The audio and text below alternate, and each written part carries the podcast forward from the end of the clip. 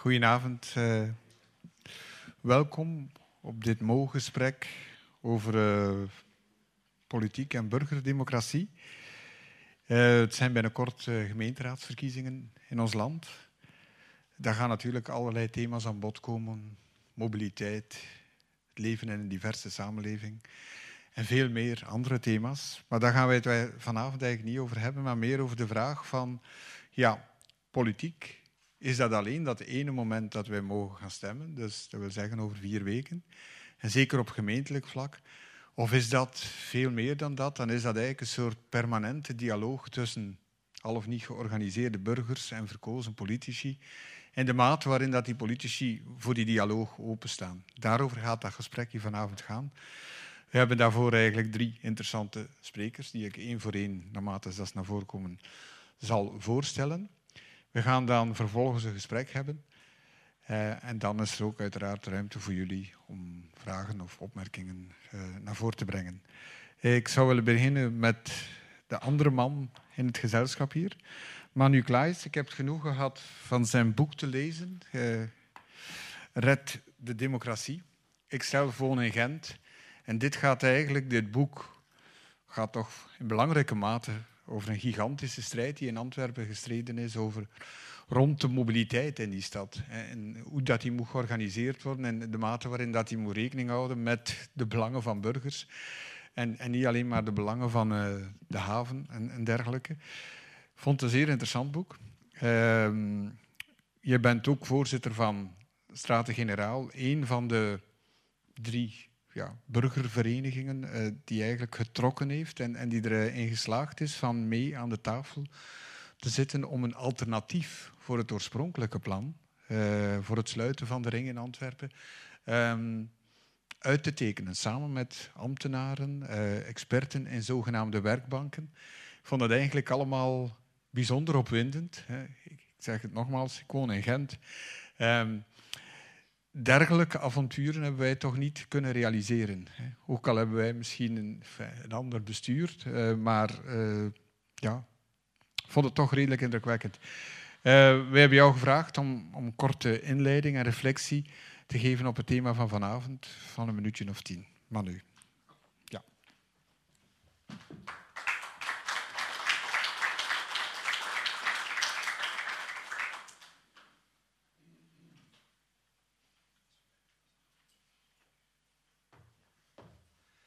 Uh, goedenavond allemaal. Uh, dank jullie voor de uitnodiging, mensen van de organisatie. Uh, we hebben net tien minuutjes gekregen, de drie sprekers, om kort onze visie te verkondigen. En dan gaan we samen wat in gesprek gaan. Dus dit zijn mijn tien minuutjes. er was gevraagd van ja, wat is dan de echte inzet van de gemeenteraadsverkiezingen?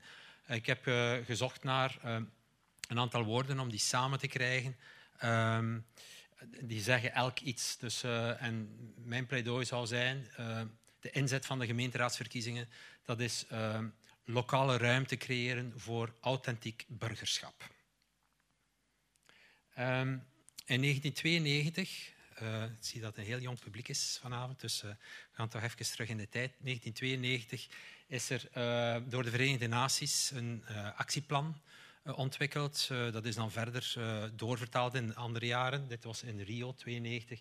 En dat heette Agenda 21. 21 stond voor de 21ste eeuw. En dat was een vaststelling van ja, er is heel veel werk aan de winkel. En in de 21ste eeuw moeten we zorgen dat op vele niveaus, klimaat was toen ook al, maar ook kinderarmoede, sociale verdeeldheid, dat we daar werk van maken. Um, en ik ga straks tonen waarom ik dit hier uh, ertussen geplaatst heb. Dus uh, Agenda 21, onthoud dat, 1992.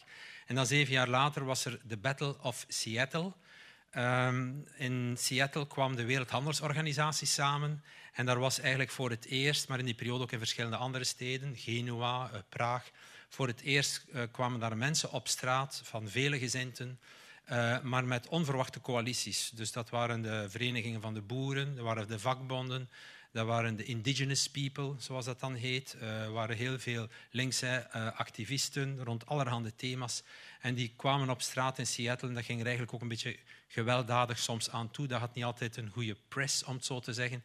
Uh, maar het werd wel wereldwijd geagendeerd, de vraag van Ehm, er is wel degelijk een economisch alternatief denkbaar, in plaats van wat sinds de jaren, eind jaren 70, jaren 80 geagendeerd werd vanuit Engeland. Margaret Thatcher, Reagan in de jaren 80, dat zogenaamde neoliberalisme.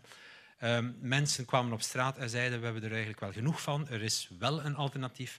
Maar vooral wat ze toen ook zeiden, ehm, we demand public voice. Wij willen betrokken worden. Wij willen niet dat die Wereldhandelsorganisatie of andere big powwows ergens in hotels of in Davossen uh, beslissen over ons. Wij willen betrokken worden. En dan in datzelfde jaar uh, in Antwerpen uh, is Straten-Generaal opgericht. Ik was er zelf niet bij betrokken, maar de reden waarom dat opgericht was, was aan het Antwerpse Zuid, vlak voor het Museum voor Schone Kunsten, stonden een hoop Japanse kerselaars was zo'n soort 19e-eeuwse tuin. Um, en dat moest een groot stenen plein worden.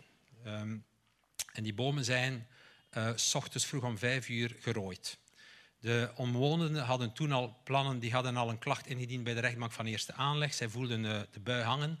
Uh, en om negen uur s ochtends ging, ging, dat behandeld worden. Misschien een uitspraak, maar vier uur eerder alle bomen weg. En dat was een fait accompli. En die waren zo gechoqueerd, die mensen, op het Antwerpse Zuid dat zij zeiden, dit kan toch echt niet.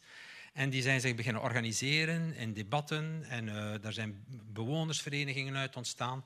En daaruit is Straten-Generaal ontstaan. Dus Straten-Generaal is een woordspeling op de Staten-Generaal in Nederland, die ook uh, honderden jaren geleden al een soort van het was niet echt bottom-up, maar het was toch een soort doorbreken van de monarchie of van, van bovenaf uh, de, de, adel en de, de andere uh, klassen werden geconsulteerd door de machthebbers. En dat was een soort pril begin van democratie, om het zo te zeggen. Um, de toenmalige mensen van Straten-Generaal hebben een soort werkplan opgesteld met vier slogans. Dat was weerwerk bieden, denkwerk leveren, uh, netwerken bouwen en ook veldwerk. De dag van vandaag, als we nu denken aan dus Amerika, Trump, uh, ja, resist, het eerste, weerwerk, dissidentie tonen. Denkwerk is onderzoek doen, weten waarover je praat, niet vies zijn van expertise en je daar ook niet door in een hoek laten duwen. Ehm, dat is belangrijk, ik ga er waarschijnlijk later op de avond wel op terugkomen, op dat niet je in een hoek laten duwen. Ehm, netwerken, is heel belangrijk. In Antwerpen hebben wij Straten-Generaal is zelf historisch de eerste geweest om te protesteren tegen dat viaduct door de stad. Maar later is daar ook ademloos bijgekomen. Op een uh, infoavond die Straten-Generaal organiseerde in 2008 zaten een aantal mensen in de zaal. Het was een avond zoals deze. En die zijn naar buiten gegaan en die hebben gezegd dat kan toch echt niet met dat viaduct. En die mensen van Straten-Generaal, uh, we moeten ze steunen. En die hebben een actiegroep opgericht, Ademloos. En die hebben zich gefocust op fijnstof en luchtkwaliteit. Later is er nog een beweging gekomen, Ringland, en die hebben dan bepleit dat de Antwerpse ring moest overkapt worden. Dus er is een soort mushroom, een soort groei, een paddenstoel van uh, verschillende bewegingen in Antwerpen. En ik denk dat dat een van de grote verschillen is dan bijvoorbeeld met Gent, dat wij er wel in geslaagd zijn om stadsbreed thematisch grote machines te creëren vanuit de burgers, die verder gingen dan uh, wijken en stadsdelen. En dan veldwerk, ja, dat is gewoon straat opgaan. Um, ik heb, uh, zoals John heeft gezegd, een boek geschreven over uh, onder andere onze ervaringen daar, maar ook wat breder. En ik ben ook een stuk teruggegaan in de tijd. Uh, en een van mijn vaststellingen was dat in de jaren na de Tweede Wereldoorlog, de jaren 50, 60, 70, dat er wel een ambiance ontstond van inspraak, participatie. Men besefte van verkiezingen alleen kunnen ook tot catastrofes leiden. Herinneren in Duitsland de verkiezing van ja, Hitler eigenlijk, die aan de macht kwam zo. Um, en toen ontstond een sfeer, ook met de jaren 60, emancipatie. We moeten uh, bottom-up, um, wij willen gehoord worden. En dat heeft zich bijvoorbeeld ook in Antwerpen in de jaren 70 vertaald in uh, wijkplannen, in verenigingen, bewonersverenigingen die zich konden manifesteren. Dat is een beetje platgeslagen in de jaren 80, 90. Vandaar een hoofdstuk in mijn boek De Verloren Jaren. En dat had te maken met dat neoliberalisme dat opkwam, maar ook met de uh, cultuuroorlogen, de identiteitsstrijd. Dat kwam ook op in die periode. En in een, in een sfeer waar overheden zeggen het is de markt die bepaalt in welke richting we gaan, en ook in een sfeer waar die polarisering van die identiteit toenam, uh, was het heel moeilijk om uh, burgerparticipatie aan te zwengelen, ook van overheidswegen, omdat dat wat haak staat op elkaar burgerparticipatie, de geest daarachter is, we gaan mensen samenbrengen om samen te creëren. In, in burgerpanels of in uh, infoavonden. Ja, met een identiteitsoorlog zit je eigenlijk eerder in de hoek van de polarisering. Dus we hebben daar wat tijd verloren, 20 jaar denk ik. En vandaar in de jaren 90, die eerste slides, werd weer wat aangezwengeld van we moeten er iets aan doen. Uh, een van mijn thesen is ook dat het systeem van verkiezingen niet per se altijd helpend is in het samenkrijgen van die mensen. Want uh, een representatieve democratie die is eigenlijk per definitie conflictgedreven. Dat wil zeggen, als je op een lijst gaat staan bij een bepaalde partij, ja, dan moet je, om te kunnen winnen, moet je een ander elimineren. Eerst moet je een ander elimineren binnen je eigen partij om hoog genoeg op de lijst te staan.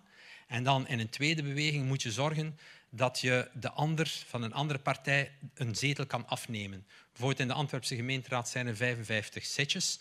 Uh, als je zelf daar een zetje wil halen, dat moet per definitie ten koste gaan van iemand anders die eerder dat zetje had. Of van een andere partij. En ook bovendien, er zijn veel studies verschenen waarin geanalyseerd werd hoe wij eigenlijk kiezen. En wij denken allemaal dat we zeer rationaal kiezen, maar eigenlijk kiezen we in een soort van bubbel tamelijk irrationeel. Een beetje het buikgevoel, bij welke stam horen wij, met wie kunnen wij ons associëren. Uh, dat is allemaal niet negatief, maar het betekent wel dat dat maakt ons ook kwetsbaar door politici die daar appel op doen. Bovendien uh, heb ik ook proberen aan te tonen uh, in het boek dat heel het systeem van de representatie, dat daar ook een hoog illusiegehalte aan vasthangt. Um, en dat meer en meer politicologen beginnen daar ook over te schrijven en beginnen ook vast te stellen van ja, dat begrip representatie wordt ook vaak misbruikt door politici. Um, wanneer was dat? Eind augustus verscheen een stuk over, uh, van Joël de Keulaar in de morgen over uh, waarover zullen de verkiezingen gaan, de gemeenteraadsverkiezingen. En eigenlijk werd daar naar voren geschoven, het zal het model Gent zijn of het model Antwerpen. Het zal het model Watteo zijn of het model De Wever. Het zal links en rechts, linkse coalitie zijn of rechtscoalitie. Dat zijn eigenlijk binaire keuzes waar ik zelf me niet helemaal gelukkig bij voel, waar ik ook zelf niet echt helemaal in geloof. Dat verkiezingen kunnen gereduceerd worden tot dat soort dingen. Um, dat was een illustratie daarvan. Wij hebben denk ik in Antwerpen dan een stukje doorbroken door uitgerekend met al die actiegroepen die rond laten we zeggen, misschien linkse thema's, gezonde lucht, leefbaarheid, meer groen, een andere mobiliteit, zijn wij in die werkgemeenschappen getreden, in die werkbanken, met een centrumrechtsbestuur. Dus met ja, Bart de Wever. En je ziet dat daar, een uh, foto van vorig jaar. Links zitten alle actiegroepen en rechts zit de Vlaamse overheid met ook de burgemeester van Antwerpen en helemaal links de schepen van mobiliteit van Antwerpen. We zijn erin geslaagd om na jaren soebatten en ook tot en met in de rechtbank samenwerkingsverbanden uit te bouwen kan ik het later over hebben. Uh, ik had daarbij geschreven desoriënterend en dat is het eigenlijk ook wel. Ook voor veel mensen in Antwerpen. Uh, ook bijvoorbeeld voor de huidige oppositie. Die zegt van ja, dat zijn eigenlijk meer onze bondgenoten en hoe, hoe moeten we daarmee omgaan? Uh, authentiek politiek burgerschap tenslotte. Dat is zeer zeker meer dan kiezerschap.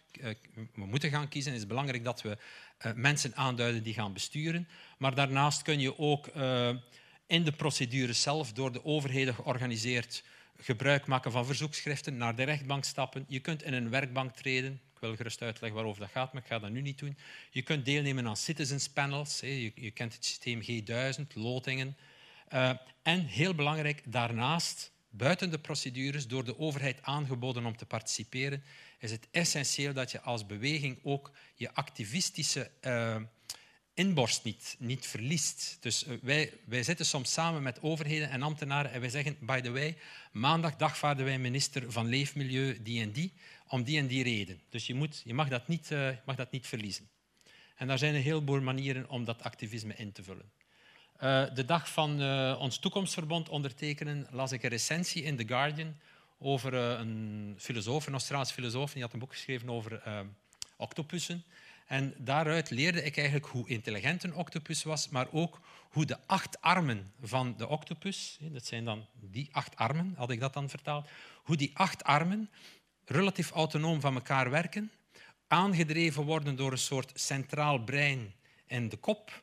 Maar dat centraal brein uh, heeft minder dan de helft van alle brein van heel het lichaam. Dus de, het, het grootste deel van het brein zit in de acht tentakels. En die werken relatief autonoom en die, die signalen gaan de hele tijd heen en weer. En ik vond dat een mooi beeld voor hoe onze democratie zou kunnen werken van niet meer langer op de oude manier van kop naar beneden, maar zo een soort continue wisselwerking. Dat heb ik dan uitgewerkt in een aantal hoofdstukken. Dus mijn pleidooi zou zijn, de gemeenteraadsverkiezingen, als ik zelf denk aan voor wie ga ik stemmen dit jaar, ja, dan is het voor mij belangrijk dat het politici zijn die voorbij de polarisering gaan, die ook heel erg uitgesproken inzetten op participatie. Uh, denk bijvoorbeeld aan een artikel vandaag in de morgen, een paar bladzijden over alle partijen vallen over elkaar heen, nu de dag van vandaag participatie. Uh, maar heel belangrijk daarbij ook is niet alleen participatie, maar ook uh, partijen die ruimte laten voor het middenveld. in Antwerpen bijvoorbeeld hebben wij een situatie waar er wel participatie is, maar waar tegelijkertijd de overheid ook het middenveld wat aan het uithollen is. En die twee staan haaks op elkaar, dus uh, ook daar een tandje bij steken. En dit spreekt voor zich.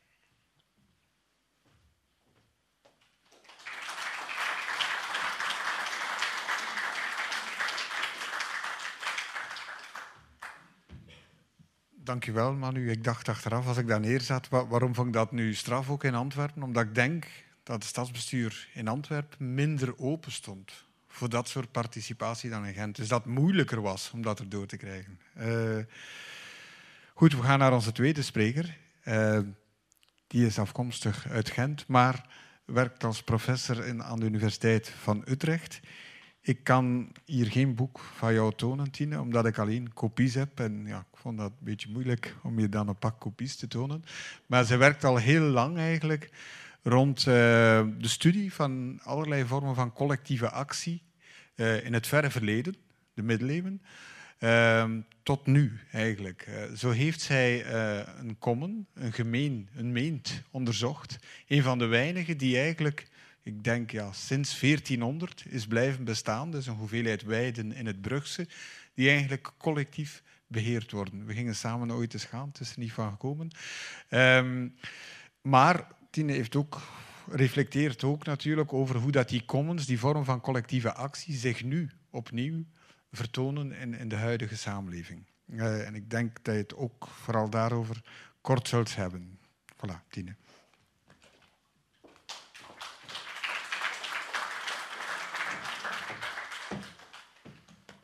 Goedenavond, uh, dank voor de uitnodiging. Ik zie mijn rol vooral als, uh, als wetenschapper, als iemand die um, graag duiding biedt, graag eh, structuur biedt. En dat zal ik vanavond ook proberen doen. Um, ook als aanloop naar um, de verkiezingen deels, maar ook als een soort uh, standstil bij wat vandaag in heel Europa gebeurt.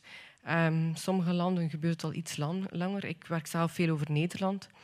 Woon nog steeds in Gent, dus het, is, het ligt voor de hand dat ik beide een beetje vergelijk. In Nederland zijn een aantal ontwikkelingen al uh, langer aan de gang. Ik zal straks uitleggen welke. Maar ook landen als Duitsland zijn, uh, zijn daar wel exemplarisch in. In Vlaanderen zijn we op sommige vlakken iets trager met bepaalde ontwikkelingen, maar dat speelt misschien wel in ons voordeel. Ik wil het ook met u hebben over twee grote ontwikkelingen waarbij burgers een andere rol gaan spelen zijn de laatste decennia, zeg maar. Um, als historica ga ik meestal een paar eeuwen terug, maar ik zal u dat besparen en niet verder teruggaan dan de jaren 80 ongeveer. Dan waren sommigen ook nog niet geboren misschien. Um, het gaat hem eigenlijk over twee grote ontwikkelingen.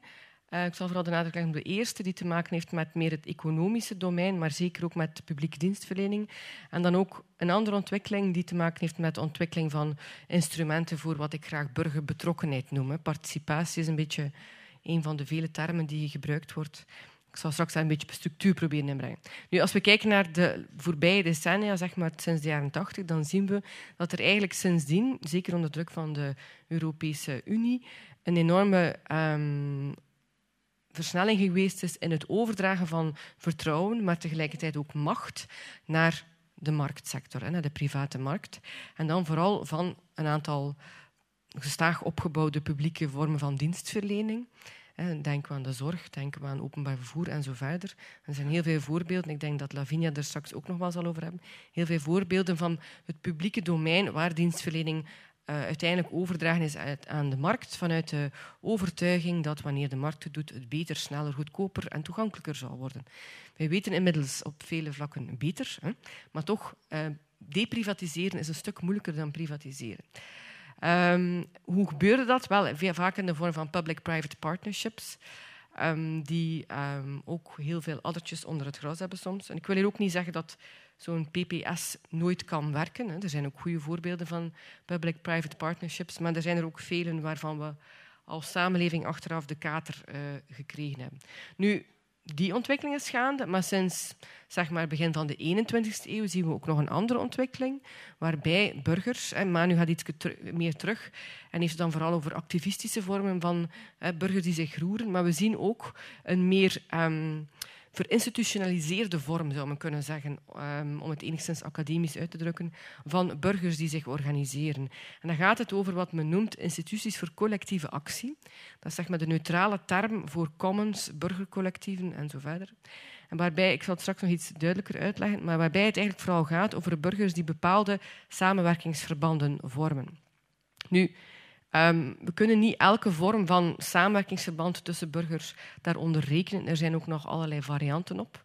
Dus men, eigenlijk is men nu de laatste decennia een beetje bezig geweest als burger om um, het collectief een beetje te heruitvinden, een samenwerking tussen burgers heruit te vinden in verschillende, op verschillende manieren, ook in verschillende relaties tussen tot markt en overheid. Maar het is op zich positief, denk ik, dat markt en overheid niet meer de enige vormen zijn waarbij we aan uh, onder andere publieke dienstverlening doen. Nu, een aantal voorbeelden bijvoorbeeld zijn, uh, je kan dat gaan onderverdelen onder twee vormen, collaborative consumption en collaborative production. Maar bijvoorbeeld, um, hier staan er een aantal zaken opgelijst.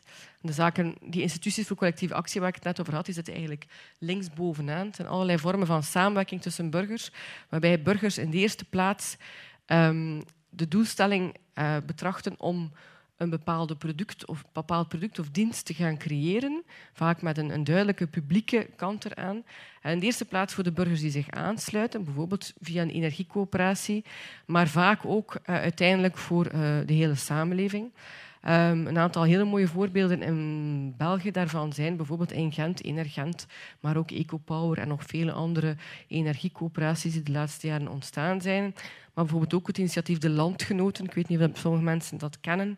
De Landgenoten is een, een, toch wel een bijzonder initiatief dat de bedoeling heeft om bio-landbouwgrond uh, op te kopen en de vervolgens te verhuren aan uh, bioboeren als een soort um, parallel fonds aan wat de Boerenbond ontwikkeld heeft de laatste decennia. Met name, eh, landbouwgrond is zeer schaars in Vlaanderen. Wat gebeurt er? Van zodra de landbouwgrond vrijkomt, wordt dat opgekocht door het fonds van de Boerenbond en verdwijnt het in een algemeen fonds waarbij eigenlijk geen voorwaarden bijvoorbeeld naar biolandbouw gesteld worden. Want de landgenoten eh, doen dat anders. Zij stellen wel voorwaarden naar biolandbouw, waardoor eigenlijk die grond uh, op een veel... Uh, ja, er wordt meer naar de toekomst gekeken zeg maar, bij het uitbaten van die grond. Er zijn nog allerlei andere voorbeelden van autodelen onder burgers. Uh, maar we zien hier rond eigenlijk ook nog allerlei andere initiatieven staan die um, vaak opgezet worden door burgers, maar bijvoorbeeld ook in samenwerking met de lokale overheid. John is een van de grote aanvuurders, zou ik maar zeggen, van de buren van de abdij in Gent. Een heel mooi initiatief waarbij burgers lokaal eigenlijk een, een uh, abdij uitbaten en een herberg inmiddels. En dat in, inmiddels in goede verstandhouding doen met de lokale overheid. Dat is een soort, wat je zou kunnen zeggen, public-collective partnership. In Gent staan nog een paar andere voorbeelden op. In Antwerpen zijn er ook wel voorbeelden waarbij burgers een lokaal um, goed zeg maar, beheren of een lokale dienst verlenen aan burgers en dat ook in samenwerking doen met um, de overheid. Nu, ik ga daar niet te veel meer op ingaan op die tabel, want die is op zich wel vrij complex. Maar wat wel belangrijk is, en dat is een fout denk ik die toch vaak gemaakt wordt in de analyses die we rond burgers en, en nieuwe vormen van economie vaak horen, is dat het allemaal op één hoop gegooid wordt als deeleconomie. Die term gebruik ik liever niet te veel, want dan wordt dat heel vaak breed ingevuld en gaat men zaken zoals Uber, Airbnb en zo daar ook onder gaan plaatsen, terwijl we inmiddels goed weten dat dat eigenlijk een soort, net, een zeer sterk doorgedreven verpakte vorm van uh, goederenuitwisseling is en dat dat eigenlijk niet zoveel met delen te maken heeft. Maar goed, um, om het nog iets abstracter te stellen, als we het hebben over die burgercollectieven die de laatste jaren zo opkomen, dan hebben we het eigenlijk over, en dat maakt het bijzonder, burgers die samen als collectief, dat is de groene bol, ehm, gaan optreden. Dus eigenlijk eh, als individuen van een collectief gaan optreden en eigenlijk ook hun eigen voordelen die ze halen uit dat collectief gaan ondergeschikt maken aan die van het, van het hele collectief. En ze gaan ook een, resource, goederen, diensten en dergelijke als collectief gaan beheren. En dat maakt het eigenlijk moeilijk. Een collectief van mensen die een collectief uh, goed beheren, dat maakt het complex en daarom gaan ze bepaalde instituties oprichten. En dan heb je wat men noemt een common, een, uh, een burgercollectief of nou, er zijn nog andere termen voor te bedenken. Ja. Nu, wat heel interessant is aan die collectieven, en daarom denk ik dat ze ook wel interessant zijn naar de toekomst toe en een aandachtspunt zouden moeten zijn bij de gemeenteraadsverkiezingen, is dat ze toch een aantal maatschappelijke waarden herdefiniëren en de maatschappelijke waarden opnieuw naar voren schuiven. Je kan zo'n burgercollectief op een heel uh, economische manier gaan beheren en zeggen van kijk, wij willen dat eigenlijk, dat energiecoöperatieven, wij willen die vooral voor de winst en wij trekken ons, meeste, wij trekken ons niets aan van de samenleving rondom ons. Hè. Met energie kan je winst maken. Hè. Maar wat je ook ziet bij veel van die coöperaties, en dat is zeer interessant, is dat men net ook gaandeweg als de zaak op poten staat, ook net uh, door die samenwerking tussen burgers allerlei andere waarden naar voren gaat schuiven als centrale waarden van zo'n coöperatie. Solidariteit het is, een, is een manier om solidariteit zeg maar, te herontdekken. Sufficiëntie, redelijkheid van wat je als individu neemt van het collectieve goed is ook zoiets dat heel vaak naar voren eh, geschoven wordt als een leidend principe bij de initiatieven. En wederkerigheid. Dus dat mensen bijdragen aan het initiatief om ook iets te mogen ontvangen. En dat vind ik een, interessante cocktail zeg maar, van waarden die denk ik, ons ook doen nadenken over hoe dat we met publieke goederen omgaan en hoe dat we daar zouden moeten mee omgaan. Nu, ik ga heel snel, want ik heb niet, niet zoveel tijd voor John uh, verder wil, ga ik nog een paar uh, grafieken tonen en nog een laatste tabel. Nu, um, wat we zien, dat is een, een, telling die we een paar jaar geleden gedaan hebben, is dat er in Vlaanderen een heel sterke stijging is de laatste jaren van de burgercollectieven. We hebben nu net, dat wordt morgen zelfs besproken, jullie hebben een primeur, een uh, project afgerond in opdracht van de Koning Boudewijn Stichting over de laatste uh, ontwikkelingen in het jaar 2015-16. En we zien dat er in heel veel plekken in, in België, dat is nu een, een heel een project voor heel België geweest, dat er heel sterke ontwikkelingen zijn van een nieuwe aantal collectieven, zeker op het vlak van energie en landbouw. Nu, als we naar landen kijken als Nederland en ook Duitsland bijvoorbeeld, dan zien we dat die eigenlijk al een, een tijd langer bezig zijn en dat uh, het aantal collectieven dat daarop komt al veel veel groter is. In Nederland zit men nu met meer dan 300 uh, eh, zorgcoöperaties inmiddels die zich verzetten tegen de geprivatiseerde gezondheidszorg. Maar er is nu ook sprake van het opnieuw oprichten van een nationaal zorgfonds. Dus eigenlijk is er nu sprake van het terugkeren naar de oorspronkelijke vorm van zorg, zeg maar. En als we kijken naar de energiecoöperaties, dan zien we dat Duitsland bijvoorbeeld enorm sterk uh, zich ontwikkeld heeft. En we kunnen zelfs stellen dat de energiewende die in Duitsland toch al plaatsgevonden heeft, naar veel meer duurzame energie, dat die eigenlijk voor een zeer groot deel, voor het, eigenlijk bijna het groot, volledige aandeel, um, komt van de kleine burgercollectieven en niet zozeer van de grote energieleveranciers. En ook nieuwe vormen van, van coöperaties ontwikkelen zich, dus er is ook een vorm van vernieuwing op institutioneel vlak. Nu, tot slot Um, ik zei van net, we gaan het over twee dingen hebben. Enerzijds zijn er ontwikkelingen waarbij burgers zich uh, gaan moeien met het tot stand brengen van allerlei vormen van publieke en private dienstverlening in burgercollectieven. Maar eigenlijk past dat ook wel een beetje in het plaatje dat we de laatste jaren ontwikkeld zien hebben um, van vormen van nieuwe vormen van burgerbetrokkenheid. Ik noem het graag burgerbetrokkenheid, want participatie, co-creatie uh, en zo verder, inspraak, dat zijn allemaal termen die een beetje door elkaar gegooid worden. En in deze tabel probeer ik daar een beetje structuur in te brengen. Volgens mij heb je eigenlijk drie grote vormen van betrokkenheid die we tot nu toe vaststellen en waar we denk ik, als, als samenleving goed moeten over nadenken. Het gaat hier eigenlijk over de mate waarin burgers bepaalde inspraak kunnen hebben in hè, bepaalde uh, ja, domeinen van de samenleving. En ik denk dat het belangrijk is dat we goed onderscheid maken waar dat um, zeker moet en zeker kan. Maar er zijn bijvoorbeeld ook risicodomeinen. Ik denk bijvoorbeeld aan veiligheid. Hè. Je zou kunnen zeggen, oké, we gaan dat ook als burgercollectieven organiseren. De vraag is of we dat willen. Dan krijgen we een soort burgerwachten in elke buurt. Ik denk dat, we als, dat de overheid daar een zeker sterke rol in heeft om daar ook een, eh, een, een, een, sturende, uh, een sturende rol in heeft. Maar eigenlijk zie je hier een beetje de, de instrumenten gaande van inspraak, waaronder dan vallen zaken zoals referenda, um, G1000's en dergelijke, waarbij burgers alleen mogen meepraten en meedenken. Dat is eigenlijk een beetje het, het, het, instrument dat heel vaak naar voren geschoven wordt, maar denk ik heel veel mensen aanvoelen als ontoereikend om burgers echt te laten meepraten. Je hebt over participatie, dan gaat het eigenlijk over meebeslissen. Denk bijvoorbeeld aan een burgerbegroting. Dat is ook een steeds populairder instrument met wisselend succes toegepast. Maar je kan ook nog een stap verder gaan naar co-creatie, waarbij burgers samen beslissingen ook echt uitvoeren. Ehm, in Nederland is het Right to Challenge. Dat is een, instrument waarbij burgers uh, zelf mogen uh, beslissen of ze bijvoorbeeld een lokaal park gaan beheren of niet. Dat, is een, een, een, dat staat nu in het Nederlands regeerakkoord. Dat zal ook meer en meer uitgevoerd worden. Maar het is ook nog uh, in ontwikkeling. Steeds meer heb je dus die burgercollectieven ook, waarbij burgers en overheid samenwerken om binnen een bepaalde collectieve context van een groep burgers te gaan bijvoorbeeld een een crash te gaan uitbaten. Maar het laatste, dat roze, dat is toch ook wel een beetje een wake-up call naar uh, overheden, denk ik. En we, er zijn een aantal uh, programma's, onder andere in Gent, hè, wordt er heel duidelijk gepleit voor burgerparticipatie in de vorm van burgercollectieven.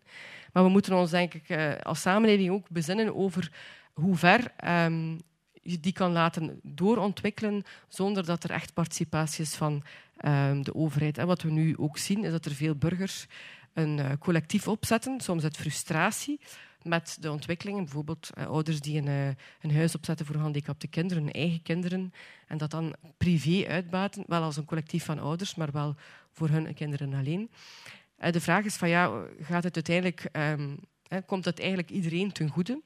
Ik denk dat de, de, de key issue, de, het, het, vraagstuk naar de toekomst toe echt ligt in waar een overheid een partner kan zijn in zo'n collectieven en waar het dat niet moet zijn of wil zijn en, en, hoe we daarmee dan omgaan naar de toekomst toe. Tot slot heb ik een aantal vragen. Ik zal ze niet herhalen. We gaan nog een beetje tijd overlaten. En um, misschien kunnen we het er straks nog over hebben.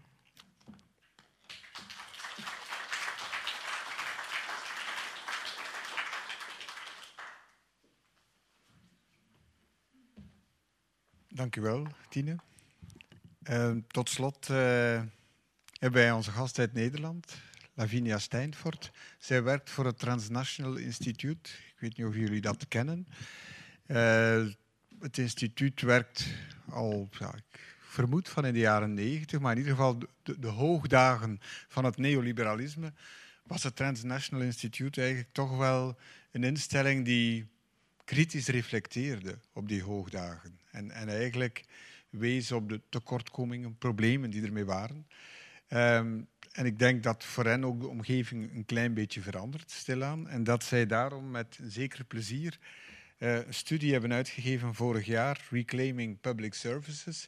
En het was eigenlijk uh, een studie die in kaart, bracht, uh, in kaart bracht het aantal gemeenten waar meestal geprivatiseerde diensten terug gedeprivatiseerd werden, terug in eigen huis genomen werden om allerlei redenen uh, door gemeenten, vaak onder invloed ook van georganiseerde burgers. Hè.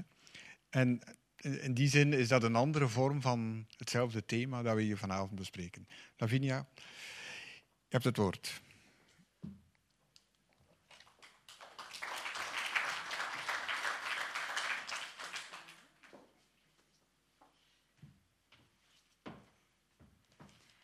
Hallo allemaal. Um, bedankt voor deze uitnodiging. Ik verdwijn altijd een beetje achter zo'n uh, lessenaar, dus ik zet hem iets lager.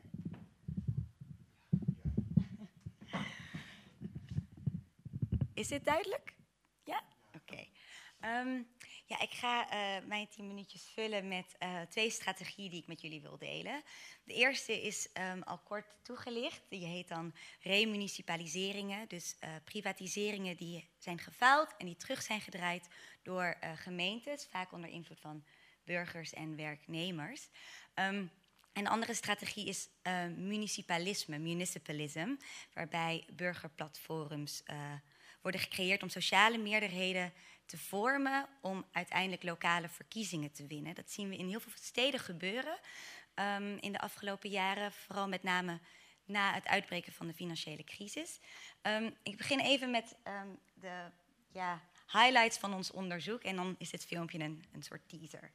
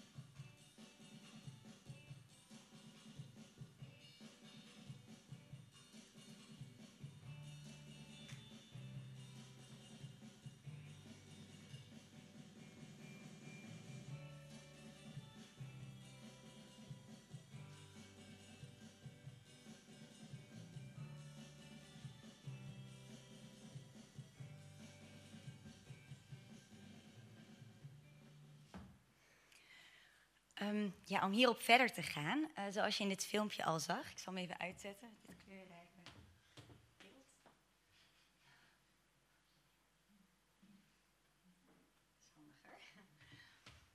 Um, zoals je in het filmpje zag, zijn er wereldwijd sinds 2000 835 uh, privatiseringen teruggedraaid. En zoals net al werd gezegd, is het veel makkelijker om te privatiseren dan om te deprivatiseren. Um, dat, um, daar gaat heel veel voorbereiding aan vooraf en vaak heel erg veel verzet vanuit burgers, omdat zij, als het gaat om publieke of openbare voorzieningen, de, de, geconfronteerd zijn met de kosten van die privatiseringen. En ik loop er zelf altijd tegenaan dat publieke voorzieningen vaak heel abstract klinken voor mensen. Dus om het maar even heel concreet te maken. Um, die openbare voorzieningen, daar zijn we allemaal in ons dagelijks leven honderdduizend keer per dag van afhankelijk. Dus als we niet zeg maar educatie hebben, energie, water, transport um, op dagelijkse basis en voor iedereen, dan zul je nog veel meer uh, de ongelijkheid zien toenemen.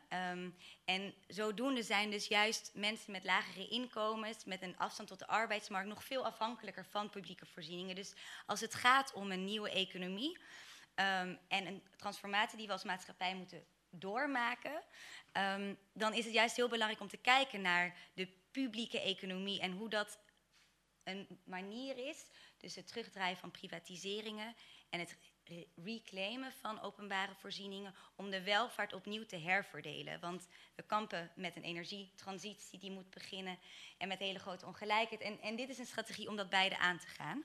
Um, om nog iets te zeggen over de um, trend die we dus van India Um, tot en met Verenigde Staten, Zuid-Europa, maar ook heel veel in Duitsland zien, dan zien we dat ze sinds 2000, dus in het begin van deze, deze eeuw, um, aan het toenemen waren. Maar dat als we de onderzoeksperiode erbij nemen van 2000 tot 2017, dan hebben ze in de tweede helft daarvan, dus van 2009 tot 2017, zien we vijf keer zoveel remunicipaliseringen.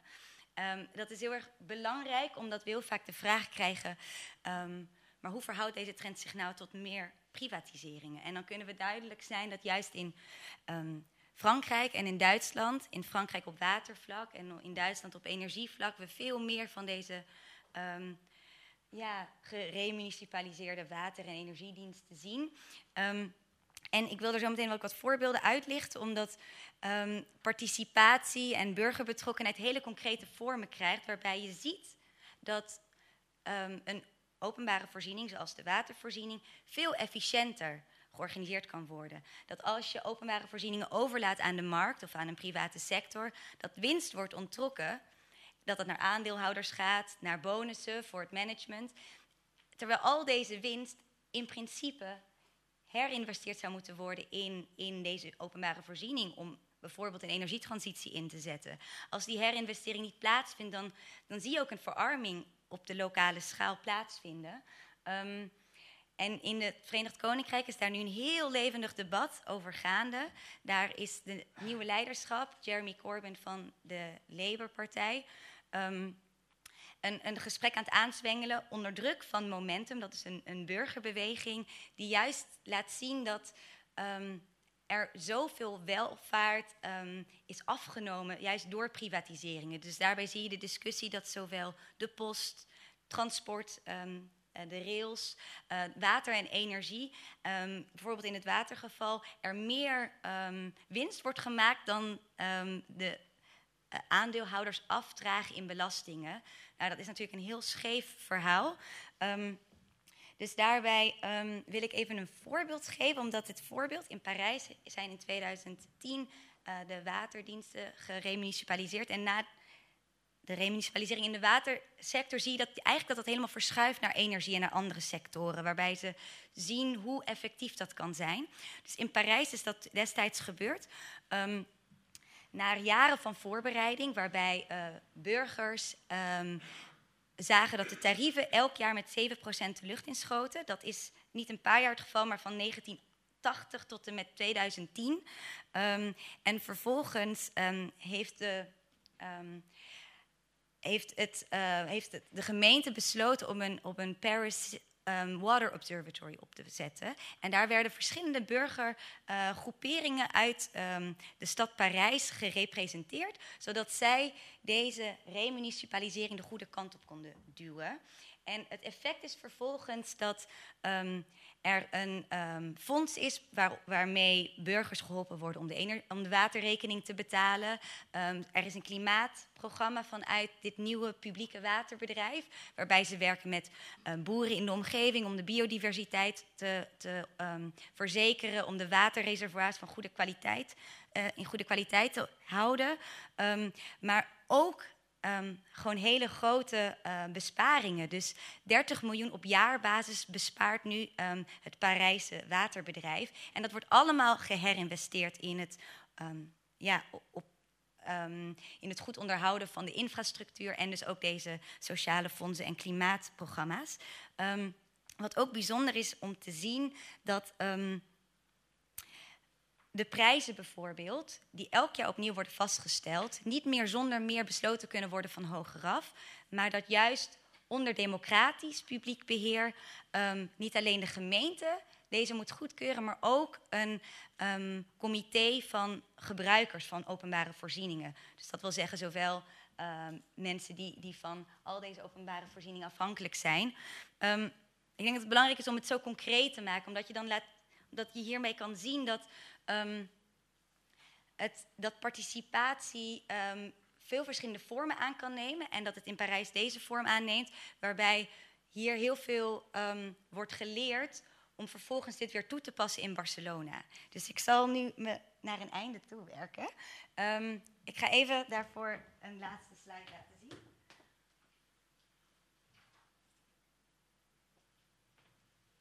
Nou, dit is een initiatief uh, vanuit Transnational Institute, um, met andere organisaties zoals European Alternatives, um, waarbij we steden en gemeentes tezamen met burgers als actoren van verandering zien. En we sinds vorig jaar een um, open call hebben, dus iedereen kan, kan hun ervaringen, politieke strategieën insturen op het gebied van energie, water, huisvesting. En dit jaar komen voedselsystemen daarbij.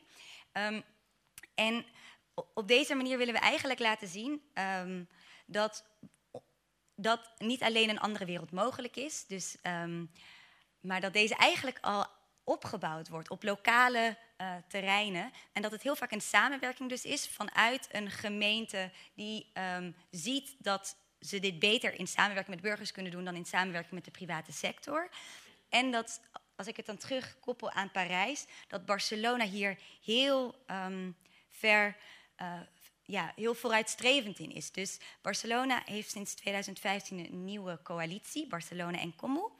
En het bijzondere is dat ze daar um, tegen de waterprivatisering vechten, die al meer dan een eeuw uh, aan de gang is. Dat ze daar een nieuw energiebedrijf um, hebben opgezet. En dat ze al deze handelingen doen um, in nauwe samenspraak met burgerbewegingen. En die zijn heel kritisch. Waarbij dus ook de vragen verder worden gesteld: wat is participatie nu eigenlijk? Wie heeft er zeggenschap? En hoe zorgen we ervoor dat representatie en inspraak niet alleen maar um, er zo uitziet dat de, dat de burgers die, die vrije tijd hebben, omdat ze hogere inkomens hebben, weet je, hun zegje kunnen doen, maar dat juist mensen die in energiearmoede leven, die niet um, ja, uh, uit hun huizen gegooid worden, uh, dat zij ook uh, ja, mee kunnen doen in het vormgeven van, van nieuw beleid. En het bijzondere is, en daar sluit ik dan nu op af, um, is dat um, ze vorige zomer een nieuwe alliantie hebben uh, gestart. Die heet Fearless Cities. En die gaat van uh, Jackson, Mississippi tot en met um, Oost-Europa, Zagreb. Waarbij je ziet dat al deze steden waar burgerplatforms aan de macht zijn gekomen, nu samen gaan werken. Zodat ze nog veel effectievere voorstellen kunnen doen. Um, hierbij wil ik het uh, laten, want uh, kunnen we nog met elkaar in gesprek.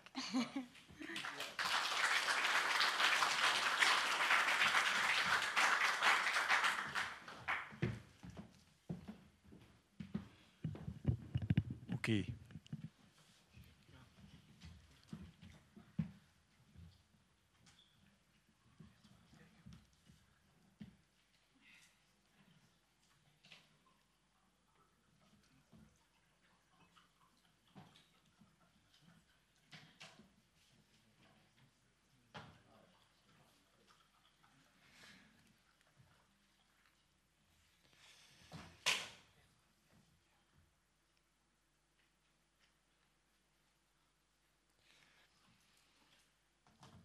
Even wachten totdat iedereen versterking heeft.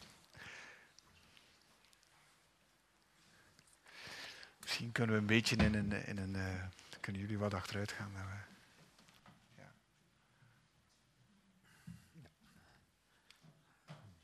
Anders is het een beetje het politbureau als je zo in een rij zit. Ja.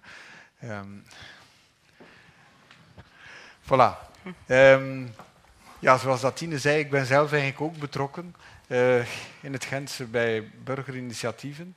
Maar dat betekent niet dat ik niet kritisch uit de hoek kan komen, natuurlijk. Uh, ik ga dat dan ook proberen te doen. Uh, eerst zou ik toch nog eens willen vast of stilstaan bij de vraag: zijn we wel zo zeker dat, dat ja, die burgercollectieven, ik begin bij jou, Tine, dat er nu meer zijn dan pakweg tien jaar geleden? Jij zei dat zeker. Je hebt die geteld. Um, ja, wij hebben die geteld, maar dat is natuurlijk ook moeilijk. Kijk, het is duidelijk een, een, trend en ontwikkeling. Maar in, in, in, België in het algemeen is dat nog vrij prematuur, zeg maar. Natuurlijk initiatieven die zich ontwikkelen. Um, vaak in het begin is dat een klein initiatief en moet dat nog een beetje stabiliseren, moet dat nog een bepaalde uh, ja, groei doormaken vooraleer men echt bijvoorbeeld een coöperatie opricht uh, om het initiatief echt ook juridisch vorm te geven. Mm. En het is soms moeilijk om te traceren welke initiatieven er nu echt al staan uh, op dit moment. Nu, als we kijken naar andere um, landen, dan zien we dat daar die, die, die, fase, die eerste fase al doorgemaakt is. Hè. In Nederland is dat nu echt wel een serieuze beweging, zeker op vlak van energie, zorg, maar ook infrastructuur uh, groen en dergelijke. Dus zijn echt wel, daar zit echt Daar is geen grote... discussie over. Daar is geen discussie meer ja. over. En sterker nog, um, bij de overheden op verschillende niveaus is men zich daar zeer van bewust ja. dat, daar, dat daar enerzijds kansen liggen, um, zeker om met, hè, met bepaalde besparingsmaatregelen te kunnen doorgaan, maar anderzijds ook een enorme bedreiging ligt om Um, met, voor, voor een overheid, vanuit het perspectief vanuit een overheid, zeker vanuit, vanuit Den Haag bijvoorbeeld, is daar toch wel een grote bezorgdheid vaak, omdat men eigenlijk geen idee heeft hoe men met een ja. burgercollectief moet omgaan. Daar komen ze bij toe. Uh, Lavinia, ik was, jij, noemde, jij toonde daar op het laatst uh, een slide met allerlei beelden uit uh, ja, Ghana, Indonesië. Dus mijn vraag was ook een beetje, die burgercollectieven, is dat niet iets vooral ja, voor relatief welgestelde mensen die de tijd hebben om in, een, ja, in de middelen om in een vrije tijd zich te engageren. Um, en vooral in uh, ja, eerder rijke landen. Um, of vergis ik me daarin? Nou, de remunicipalisering enerzijds, die vinden juist plaats in Europa, omdat daar de privatiseringen in een hele specifieke vorm zich hebben voorgedaan.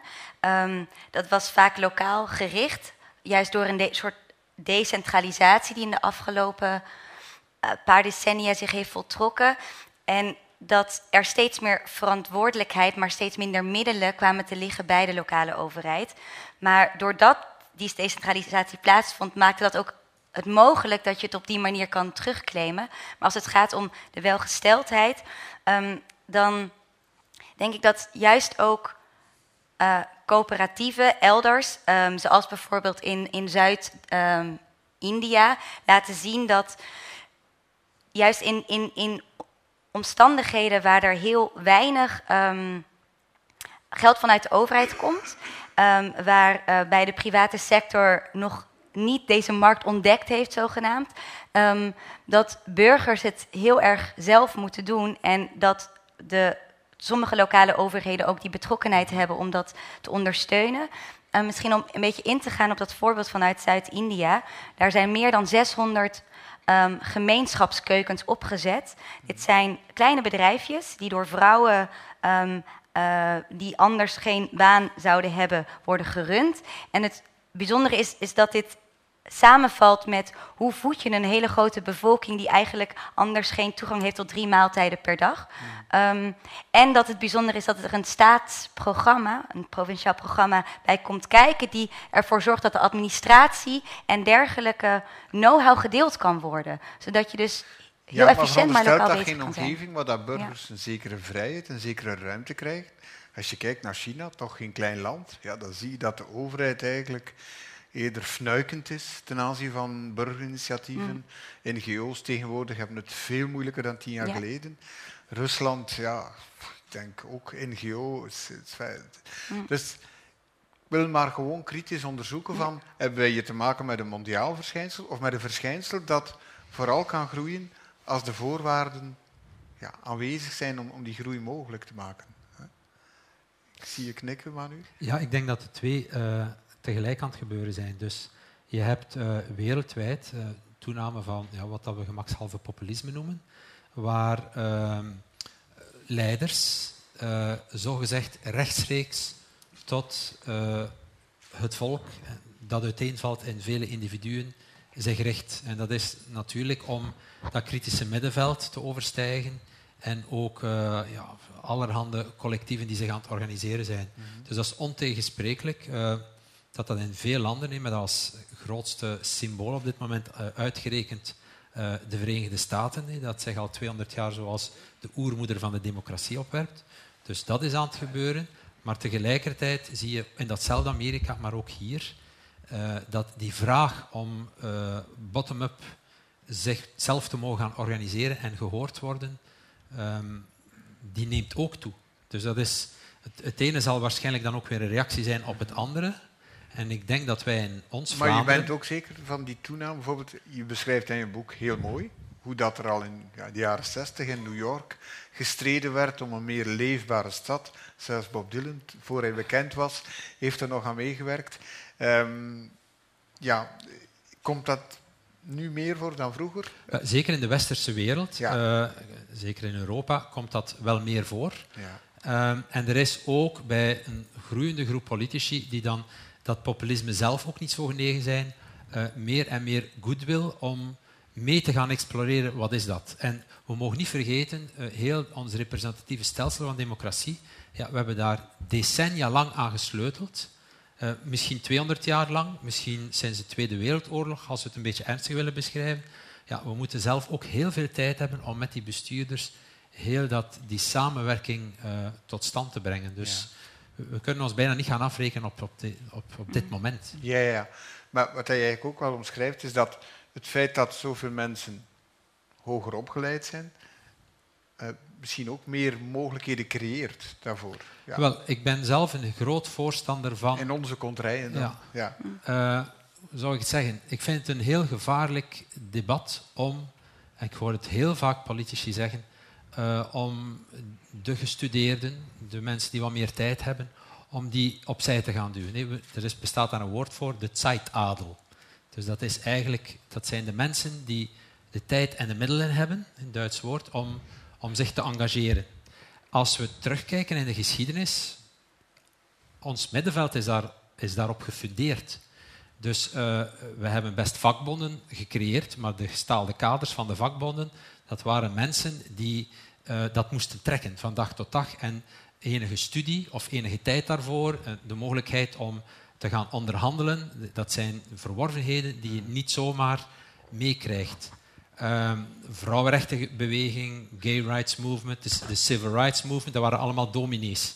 Ja. Dus in zekere zin, de Zeitadel heeft altijd een zeer cruciale rol gespeeld. En wat, wat merken we vaak? Dat uitgerekende politici die, die weg willen, dat zij zeggen, we hebben het in Borgerhout, waar ik woon, ook meegemaakt, uh, dat politici richten zich dan tot een zaal, hè, een districtshuis van Borgerhout, daar zitten 400, 500 mensen, want het was een infoavond. 400, 500 mensen die afkomen op een infoavond, dat is een enorm succes. En hij slaagde erin om te zeggen, ik zie hier maar 1% van het district zitten, waar zijn die 99 andere procent? En uh, ik zie ook bovengemiddeld uh, een blank publiek. Waar zitten de andere borgerhoutenaren? Eigenlijk om die avond te elimineren. Ja. Dat vind ik een enorm gevaarlijke evolutie. Ja. Tine, ja, jij wou terugkomen, maar ik zat meteen ook al met de vraag. Waarom zien wij die toename van ja. Ja, de stuwing van beneden af? Ik denk dat we eerst ook een beetje moeten denken om het toch een beetje beter te onderscheiden. Um, uh, wat zien we van, ja, van beneden? Ik denk dat er drie, ding, drie verschillende dingen besproken worden. Eén, um, burgeractivisme. We noemen in de literatuur contentious collective action, waarbij dat er eigenlijk toegewerkt wordt naar een één bepaalde doelstelling, bijvoorbeeld de overkapping van de ring of een andere mm -hmm. maatschappelijk probleem. Um, en waarbij dat er vaak met, met allerlei vormen van collectieve actie gewerkt wordt, betoging en dergelijke, waarbij ja. er echt hoe, hoe grotere massa vereist is.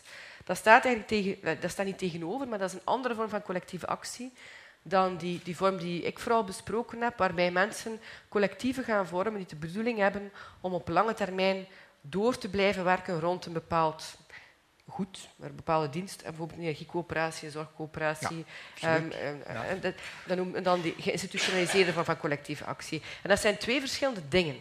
Ja? Um, en ik denk in beide gevallen is, is is leiderschap soms een beetje een onderschat, onderschat eh, onderschatten we daar een beetje het belang van. En in beide gevallen speelt inderdaad, zeker in de initiële fase, vaak eh, mensen, of dat mensen opgeleid zijn of wat dan niet, omdat ze de juiste instrumenten moeten vinden om ergens mee te beginnen. Maar bijvoorbeeld als je kijkt naar allerlei voorbeelden in de sociale sector van die geïnstitutionaliseerde vorm van collectieve actie, de burgercollectieve, van zodra dat die eigenlijk een beetje een erkende en een ondersteunde vorm van organisatie zijn binnen een samenleving, zoals in Nederland ondertussen wel het mhm. geval is, dan zie je bijvoorbeeld ook collectieven ontstaan van schoonmaaksters. Daar zijn mooie voorbeelden van in Nederland. Collectieven ontstaan van mensen die helemaal niet hoog opgeleid zijn mhm. en die um, prima een coöperatieve kunnen onderhouden, wanneer ze daar, ook, allee, wanneer ze daar de juiste tools voor krijgen en wanneer de, de, de wetgeving ook voldoende toegankelijk is. Hè. Maar dus waarom, dat is belangrijk. Waar, waarom zien we die initiatieven meer? Wel, is dat door een terugtreden van de zijn. staat? Of, of, ja. of?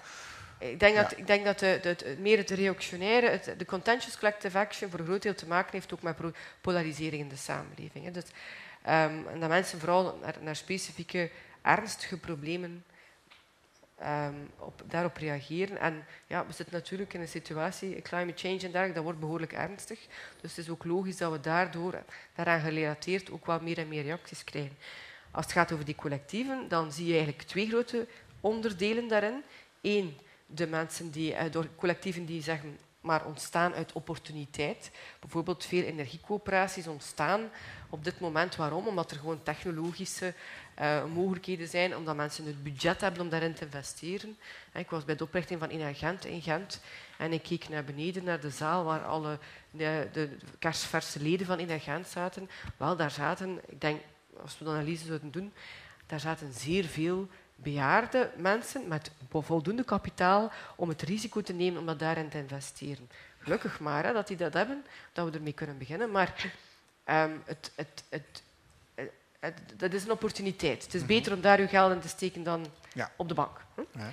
Anderzijds heb je de hele groep van collectieven die er eh, ontstaan zijn uit extreme noodzaak, uit miserie zou ik durven zeggen. En als je kijkt, ik had die twee, die twee um, kaarten, energiecoöperaties en zorgcoöperaties. Zorgcoöperaties in Nederland zijn enorm gegroeid. Waarom? Omdat de zorg in Nederland volledig geprivatiseerd is. En Het gevolg daarvan is dat er regio's zijn in Nederland die gewoon niet bediend worden door de markt. Hetzelfde bijvoorbeeld met glasvezel. Dezelfde regio's, Noordoost, Groningen, uh, stukken van Limburg, uh, Noord-Brabant en zo verder, waar er veel verspreide bewoning is, waar het omwille van die verspreide bewoning en vaak ook de vergrijzing een, uh, een, een, geen evidentie is voor een markt om zich te ontwikkelen. Tenminste niet als je enige winst wilt draaien. Um, daar zie je die markt zich ook niet ontwikkelen en zoeken mensen gewoon naar een alternatief. En daar ontstaan soms schitterende dingen, die uiteindelijk ook um, zeer volwaardige economische alternatieven blijken te zijn. Ik denk voor een groot deel heeft het met die privatisering te maken. Um, en, voor een, en, dat is toch ook wel een belangrijke uh, zijgedachte, maar die privatisering in de zorg bijvoorbeeld heeft ertoe geleid, in Nederland althans, in, in België staan we nog zo ver niet en daar moeten we denk ik blij om zijn, um, heeft er in Nederland toe geleid dat er, enorm, dat er miljarden kapitaal gestockeerd zijn bij de zorgverzekeraars momenteel en dat de overheid zelf mag inspringen om die mensen die die 800 euro per jaar minimaal aan de zorgverzekeraar niet kunnen betalen, om die de mensen dan toch maar te mhm. helpen om dat te betalen. Dus ik denk dat is. En, en, uiteindelijk is het logisch dat als je de opstelsom maakt, dat men dan vanuit de samenleving ook steeds meer roept om die privatisering te gaan herbekijken. Het, is, het, het, economisch klopt het plaatje ook niet. Lavinia, kijk jij dat, waarom zien we dat gebeuren? Ehm, ja, ik denk dat ik toch nog heel even op je eerste vraag uh, één minuut uh, wil ingaan. Omdat um, dat kwam net al een beetje aan bod in, in termen van wanneer komen coöperaties op? Is dat een opportunisme of is dat een, een vanuit een conditie uh, um, waar armoede een rol speelt?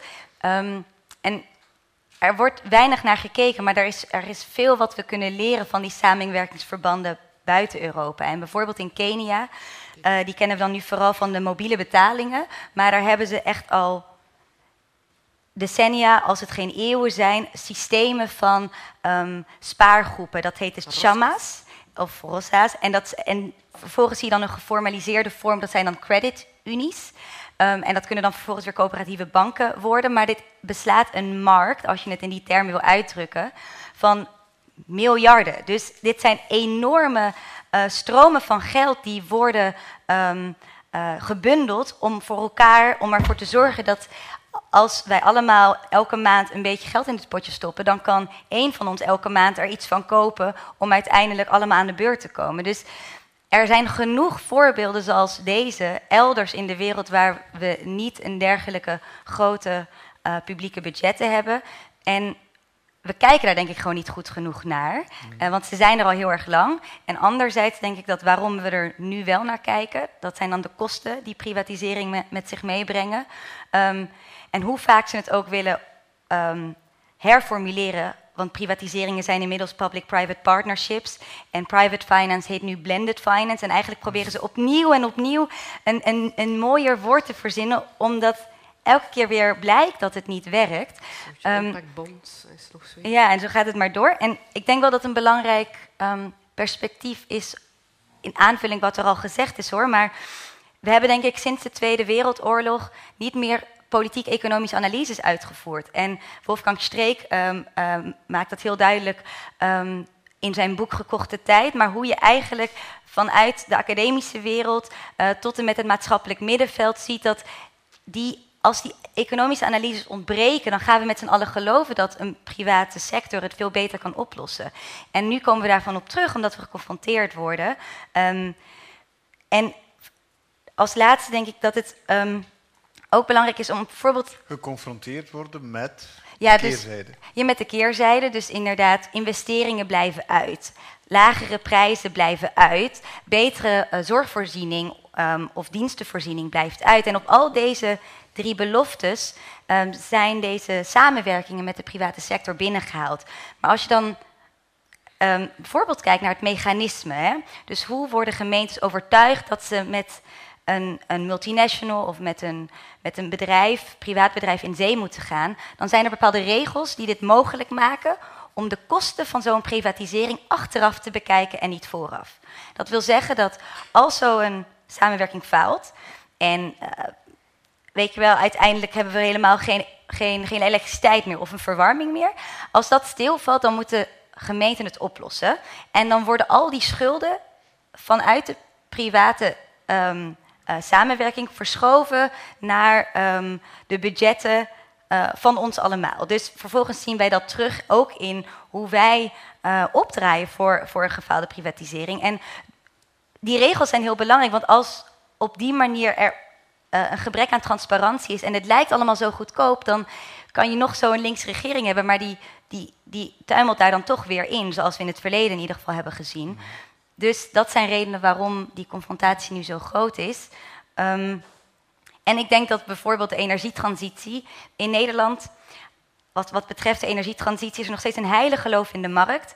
Um, zelfs heel veel klimaatactivisten die zeggen dat het noodzakelijk is om samen te werken met een Shell, um, met Eneco en ga zo maar door. Maar als we gewoon de geschiedenis erop naslaan, dan hebben we sinds een aantal jaar nog maar 6% hernieuwbare energie op het netwerk. Dat is niet gegroeid. De private sector en dan met name deze grote bedrijven, die, die investeren niet in deze transitie waarbij infrastructuur geupgrade moet worden en dergelijke. Um, ik was gisteren in Hamburg en ik denk dat dit een belangrijk voorbeeld is, want ze willen daar na het elektriciteitsnetwerk en het gasnetwerk ook de district heating in eigen beheer nemen. Um, daar wordt in november over besloten en dan zou het vanaf 1 januari in feit kunnen zijn. En, als, en ze willen dit terugclaimen van Vattenfall. Dat is een Zweedse, Zweeds publiek bedrijf, maar dat opereert als een privaat bedrijf. Maar, en ik zal het niet kort houden, maar ik denk dat het belangrijk is, want het voorstel dat Vattenfall doet voor de energietransitie, dat kost een half miljard. Dat gaat om een CO2-neutral uh, um, faciliteit om een um, kool, uh, koolfaciliteit te vervangen, waarbij de kosten echt enorm de lucht inschieten. Maar als je dan kijkt naar wat Hamburg zelf voorstelt um, qua energietransitie, dan is dat een thermal storage, uh, een, een, faciliteit om met zonne- en windenergie deze elektriciteit weer op te slaan als warmte in water, zodat je ook in de winter, als de zon niet schijnt, nog gebruik kan maken van de energie. Dit kost maar ongeveer een miljoen euro. Het is absurd dat deze verschillen zo groot zijn, maar, maar als we dit economische plaatje er niet bij um, pakken, dan, ja, dan lijkt het gewoon een, een, hè, op één lijn te staan. En dat we net zo goed voor Vattenfalls voorstel kunnen gaan of voor het voorstel van de gemeente die onder druk van haar burgers. Maar om een lang verhaal kort te maken, je zegt eigenlijk, wij zien die, die remunicipaliseringen ontstaan omdat mensen niet tevreden zijn over ja, privatiseringen eigenlijk. Ja. Dat, dat is jouw antwoord. En opnieuw dat het dus economisch niet logisch is dat je niet um, bespaart op wat voor manier dan ook. Mm. Zeker niet op lange termijn. Als we naar burgeractivisten kijken, uh, ik denk dat jullie dikwijls te horen krijgen van ja, het verkiezingssysteem is representatief. Alle burgers kunnen hun mening uiten en hun vertegenwoordigers aanduiden. Terwijl die Zeitadel of de burgers die actief zijn, dat is maar een klein deel van de bevolking. Ja, hoe reageer jij daarop? Het start van het klein deel van de bevolking. Dus uh, dat is een beetje wat, wat ik ook heb willen betogen van in Amerika ook de Civil Rights Movement. Um, we hadden 180 jaar democratie achter de rug in Amerika. En de zwarten moesten nog altijd achteraan in de bus zitten. En uh, dat had nog 100 jaar kunnen duren. Dat had nu ook nog kunnen zo zijn. Um, was het niet zo dat er een groep mensen heeft gezegd, we gaan ons organiseren. En eh, niks komt voor niks op dat niveau. Dus eh, ook wij in Antwerpen hebben het afgedwongen. En we zijn naar de rechtbank gestapt, we zijn naar de Raad van State gestapt, we hebben bezwaarschriften ingediend, we hebben mensen gemobiliseerd, we hebben een volksraadpleging afgedwongen. Dus ik kan u vertellen, we hebben hemel en aarde bewogen en daarvoor heb je een hoop uh, vergadertijd nodig, uh, overleg met enorm veel mensen uit de administratie, je moet een keer naar Gent gaan, dan naar een milieurechtsspecialist, professor Lavrijs bij wijze van spreken, om te zeggen, van, zijn we nog goed bezig, klopt dit? Dus daar is gewoon enorm veel energie voor nodig. Dat is één punt. Een tweede punt is, als je het probeert als uh, georganiseerde burger te spelen op het niveau van ik representeer die en die en die, dan ben je bijvoorbeeld verloren. Uh, ik herinner me nog in 2005, we zaten bij de provinciegouverneur, Camille Paulus in Antwerpen die een groot pleitbezorger was van, uh, van dat viaduct dat wij dan hebben weggekregen. En zijn eerste vraag was aan mensen van Straten-Generaal die een afspraak hadden gevraagd met hem, wie vertegenwoordigen jullie? Ja. En we hebben gezegd, alleen onszelf. En daarmee was het debat gedaan. Want hadden wij uh, de, pff, uh, de, arrogantie gehad om te zeggen, uh, Nel van Antwerpen of de meeste Antwerpenaren. Ja, je kunt dat toch niet tellen. En zij hebben wel een mathematisch moment gehad. Allee, de gouverneur nu eigenlijk niet, maar dat was een slecht voorbeeld. Hij is aangesteld.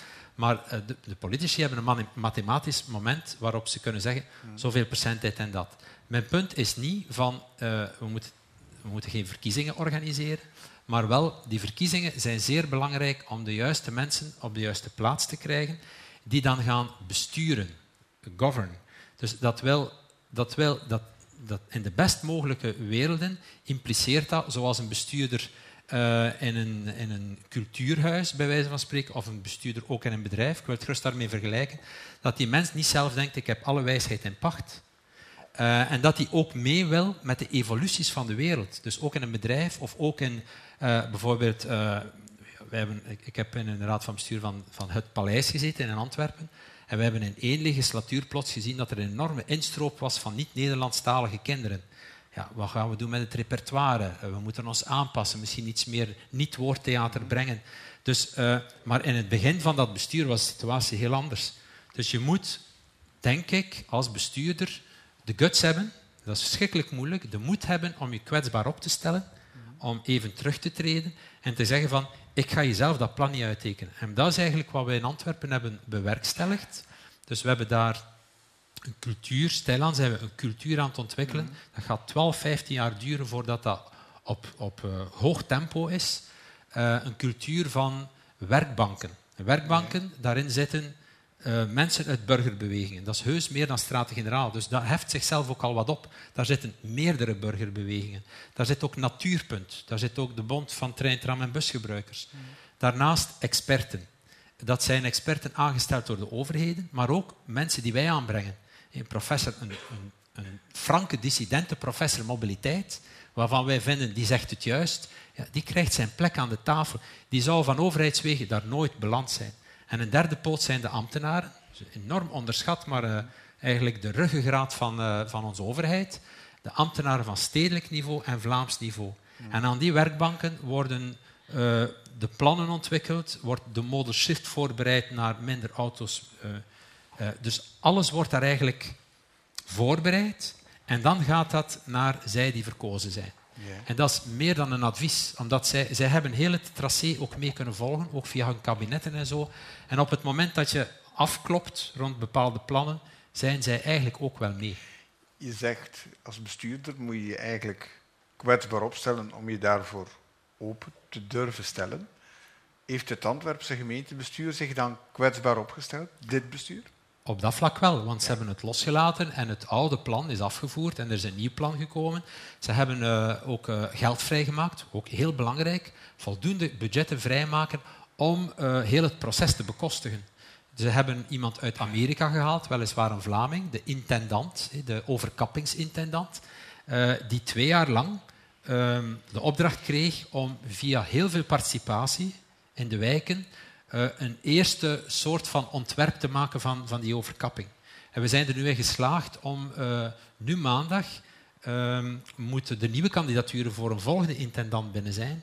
En dan uh, wordt de week daarop gejureerd. Wie zal dat worden? De burgerbeweging zit ook in die jury. En de nieuwe intendant zal in plaats van twee jaar een mandaat voor acht jaar krijgen. Wij hebben daar zelf als burgerbeweging heel erg op gehamerd dat dat legislatuur overschrijdend zou zijn, maar meer nog uh, mensen die soms twijfelen van ja, die overkapping, dat, dat zal duur zijn, meerjarenproject, dat gaat er niet komen. Wel, onze garantie dat het er zal komen is van zeer langdurige mandaten te laten uitschrijven. Want dan moeten ze die mensen ontslaan om die machine stop te zetten. Ja. Um, ik hoor dat de sfeer in de gemeenteraad in Antwerpen zeer gepolariseerd is. Hè. Um, aan die werkbanken en de verhouding tussen jullie, burgerbewegingen en het bestuur, heb je dat daar ook niet? Want ik kan me voorstellen dat de burgemeester en co. jullie toch zien als ja, verkapte socialisten of linksen. Uh, en ja, in de gemeenteraad werkt het niet goed, maar blijkbaar is dat dan toch iets anders. Omdat ze daar teruggetreden zijn. En uh, allez, ik zal de eerste zijn om te zeggen dat in de stad Antwerpen op heel veel thema's, dat dat bestuur effectief een zeer centrumrechts bestuur is, dat van het middenveld niet te veel wil weten, dat het ook aan het ontmantelen is op sommige. Dus de twee kunnen tegelijk gebeuren. Hè. Wij hebben in onze thema's eigenlijk afgedwongen van wij willen mee aan tafel zitten. Het zijn misschien minder schadelijke thema's, of het zijn ook misschien niet de kernthema's van de burgemeester. Het zou natuurlijk interessant zijn dat op het niveau van ontvangen van anderstaligen, op het niveau van veiligheid, de war on drugs of whatever, zijn, zijn echte kernthema's, dat die cultuur daar ook ontstaat. Mhm. Maar ik denk, ja, stapje voor stapje moeten we daaraan werken. En het is, het is in elk geval ook voor hemzelf zeer desoriënterend geweest om rond al die thema's, om dat over te geven aan de, aan de burgers. Hoe weet je dat dat, dat desoriënterend geweest is? Hebben Ja. ze jou dat gezegd? Omdat of heb je ze- dat kunnen observeren? Of... Omdat ze jarenlang, en hij in het bijzonder, Bart de Wever, omdat ze jarenlang hebben gezegd van wij zijn verkozen, primaat van de politiek, Ja. wij hebben een mandaat en wij gaan het doen. En ik weet zelfs nog dat we jaren geleden, wij zaten met Staten-Generaal in het Vlaams parlement. Dus een van de dingen die je kan doen, dat is hoorrecht. Eh, bij het gemeentedecreet eh, krijg je hoorrecht als je zoveel handtekeningen hebt. Ik had dat gaan uitleggen in het parlement. En eh, hij zei het ook nog van, ja, als wij het allemaal zo verkeerd doen als overheid, stap naar de rechtbank. Hè. Ja, we hebben dat dan ook gedaan. We zijn naar de Raad van State gestapt Ja. en ja, we, hebben het daar gehaald. eh, eh, Een klassiek argument zou ook zijn, komt ook op in de verkiezingen. Ja. ja. Ik vind dat een moeilijke, in die zin dat het net heel belangrijk is dat er naast de politiek ook in alles wat beweegt in het middenveld en burgercollectieven en acties, eh, dat er ook mensen zijn die bewust ervoor kiezen om dat niet te doen. Maar tegelijkertijd mogen die mensen niet uitstralen van dat zij doen het vuile job en wij, wij, zij doen de vuile job en wij doen het echte werk. Het is werkelijk een wisselwerking tussen de twee. Ja. Ja. En dat omslagmoment, van, dat- waarin dat hij inderdaad dat standpunt heeft moeten verlaten, hè, van primaat van de politiek, was dat dan echt ja, dragged screaming en shouting van ik kan niet anders? Of, of, of, Het is geleidelijk gegaan. Dus Ja. eh, wat wij hebben meegemaakt tussen 2005 en 2014, dat is zes verkiezingen. Dus de stress de hele tijd van de electorale campagnes creëerde te weinig ruimte voor die mensen om tot kalmte te komen en zich kwetsbaar te gaan opstellen. Ja. Ik, ik heb, dat was ook mijn punt van dat zero-sum game, dat nulsomspel. Politici krijgen te weinig de ruimte om te kalmeren en niet de hele tijd te moeten zeggen van die heeft het verkeerd gedaan, dat is mijn vijand. In 2014 hebben we de laatste verkiezingen gehad. De volgende gebeuren over drie weken. Ja. En in die periode, dus eigenlijk vanaf 14 is het beginnen kantelen. In 15 is de intendant aangesteld. 16 zijn we de werkbanken gaan opstellen. En 17 hebben we het toekomstverband gedaan. Dus eigenlijk in een soort window van rust heb- hebben zij de mogelijkheid gekregen om terug te treden. Ja. Tijdelijk. Tine wees er er net recht op, dat weten we natuurlijk, dat, er, dat we hier spreken over heel veel verschillende, of van verschillende types van burgeractiviteit, burgervereniging, burgerinitiatief. Maar ik, ik zie toch een, allee, een verband tussen al die soorten. En, en ik, zou, ik zou jullie willen vragen, is dit een antwoord op het populisme? Of ja, is dat een domme vraag? En, en, eh, kan dat niet het antwoord zijn? Maar allee, is- Ik denk voor een deel wel. Eh, een van de hoopgevende signalen vind ik vanuit die, vanuit die collectieven is dat men eigenlijk door, eh, zeg maar voor een deel door het, de macht van het getal binnen die groep, door het feit dat we met burgers weer gaan samenzitten en vaak toch wel vrij diverse groep van burgers, dat men toch wel ehm, solidariteit een beetje herontdekt. En dat men plots beseft van oké, ik zit zelf in een zelfoogstboerderij en daar maak je eigenlijk aan de lijve wat het betekent als je zelf te veel oogst, meer dan je zelf nodig hebt. En dan word je echt letterlijk met je neus opgedrukt, want dan is er niet genoeg voor iedereen. En dat zijn, dat zijn denk ik zeer interessante oefeningen om ehm, de, de principes van de verzorgingsstaat, die we allemaal waarderen, maar die we ook allemaal zeer abstract vinden inmiddels. Het feit dat ik belasting betaal voor iemand die ergens in Limburg misschien werkloos is, met alle liefde, maar ik heb geen idee wie dat is, dus het wordt zeer abstract. Ehm, dus ik denk dat dat ook wel helpt om mensen weer het allemaal een beetje concreter te helpen maken. Hè. Dat ik denk dat dat een, een, toch een recept is tegen eh, de verzuring. Misschien nog niet meteen een recept tegen de polarisering. Hè. Dat is nog, ehm, denk ik, nog iets anders, want voor een deel zullen we een... eh, Zullen we eh, voor een deel zal een, een, groot deel van, ik denk, groot deel van de bevolking zal zich niet tot zo'n collectief verhouden als ze daar niet toe gedwongen worden. Maar dwang is de slechtste manier om zo'n collectief te doen werken. hè. Dus daar zit een, grote, ja, een groot probleem, zeg maar, als je als je dat als middel zou willen inzetten. Ik denk ook niet dat dat het enige middel is om uh, polarisering tegen te gaan. En er zijn heel veel instrumenten denkbaar waarbij uh, mensen weer betrokken kunnen worden bij beleid. En ik denk dat dat inderdaad... Uh, ik denk dat het een, een, een, zeer prangende vraag is naar de toekomst toe. Hoe, um, hoe inderdaad de, de eenmaligheid van verkiezingen... Hè, um, meer een soort continu, continue betrokkenheid kunnen uh, daartoe omgevormd worden. Um, ik denk dat, die, dat die, al die instrumenten die er nu zo zijn, dat die wel um, daarbij kunnen helpen. maar ik denk dat er ook bijvoorbeeld, hè, wat je net zei van ambtenaren, dat die zeer belangrijk zijn. Ik denk dat dat inderdaad een, een, een zeer onderschat onderdeel is van, van hoe dan een, een, een, samenleving in elkaar zit en ook een, ondergewaardeerd uh, onderdeel voor Dat in tijden van neoliberalisme ja. eigenlijk bijna niet mag uitgesproken worden. Ja. Ambetantenaren, hè? Ja. Uh, herinner ik mij, een politicus. Ja. ja, maar ik denk dat het ook belangrijk is... Kijk, we zijn, er zijn ook veel stemmen aan het opgaan, onder andere in Gent wordt daar ook veel over gesproken, over uh, hoe een, het, het ambt van een politicus zou moeten um, zich ontwikkelen in de toekomst. En een van de dingen die ik zie, is dat, men, dat er natuurlijk... Het wordt um, zeer... Um, ook, ook op lokaal niveau, als mensen zeer sterk afhankelijk zijn van hun functie, hè, bijvoorbeeld ook gewoon inkomensgewijs, dan, gaan ze natuurlijk daar, dan, dan wordt die strijd harder. Hè. En ik denk dat op dit moment er toch moet gekeken worden naar hoe mensen uit de gemeenteraad enerzijds financieel daarvoor vergoed worden, maar zeker, wat nog veel belangrijker is, ondersteund worden in die functie. want ik, ik vind dat er soms een, een, uitgegaan wordt van... Eh, ja, het is echt wel een beetje amateurisme bij momenten, hoe dat, het, hoe dat zoiets functioneert. Dat moet gewoon veel beter ondersteund worden, zodat iemand die in de gemeenteraad zit alle middelen heeft om die functie te kunnen uitoefenen. En dat is echt iets wat mij opvalt, dat nauwelijks gebeurt momenteel. Zeker in grote steden. Ik denk van, jongens, dat gaat hier voor zoveel mensen. Eh, we kunnen toch niet zo... dat de gemeenteraadslid amper vergoed wordt. Dat dat is ja. ja, het gaat dan niet eens over de vergoeding voor de tijd die mensen daarin steken, maar men stopt daar veel meer tijd in dan misschien nodig is, omdat er heel weinig fysieke ondersteuning is van hè, mensen die in de gemeenteraad zitten. Wel, mensen die schepen zijn bijvoorbeeld, die, worden, die krijgen hun eigen kabinet. Ook niet altijd evenrechtig verdeeld volgens de noden die er zijn. Maar mensen die in de gemeenteraad zitten, krijgen ondersteuning van de partij, maar dan nog is dat eigenlijk wel vrij beperkt om die functie echt goed te kunnen uitvoeren. En dat zou veel beter kunnen. Dat is, dat is een van de redenen dat wij, denk ik, zo ver geraakt zijn. Dat is uh, mensen in de Antwerpse gemeenteraad krijgen jaarlijks 100.000 bladzijden te verwerken. Dat is natuurlijk onmogelijk. En die kijken gewoon naar de fractieleider doorgaans of naar de, degene die het dossier beheert van ja, op welke knop moeten wij drukken. En dan in een polarisering is het meestal nog gewoon ook de, de hele oppositie unisono op de rode knop en de hele meerderheid unisono op de groene knop. Ja, en, en dan dus- komen die georganiseerde burgers. En dan komen de georganiseerde burgers waar uh, veel uh, um, mensen in de gemeenteraad ook op rekenen. Er is ook wel een dialoog en er wordt ook wel een keer informatie doorgegeven. Heb je dat al en dit en... Dus dat is ook wel een stuk wisselwerking.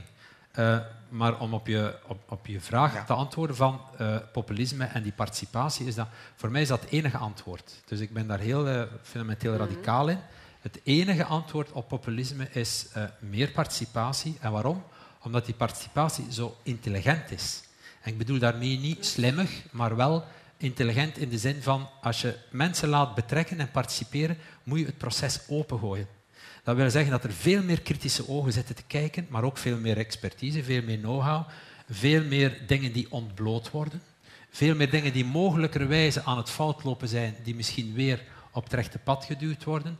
Uh, dus het is, het, daar zitten zoveel lagen aan participatie, uh, en dan heb ik het nog niet over het goede gevoel bij veel mensen, bijvoorbeeld rond onze thema's in Antwerpen, de betrokkenheid.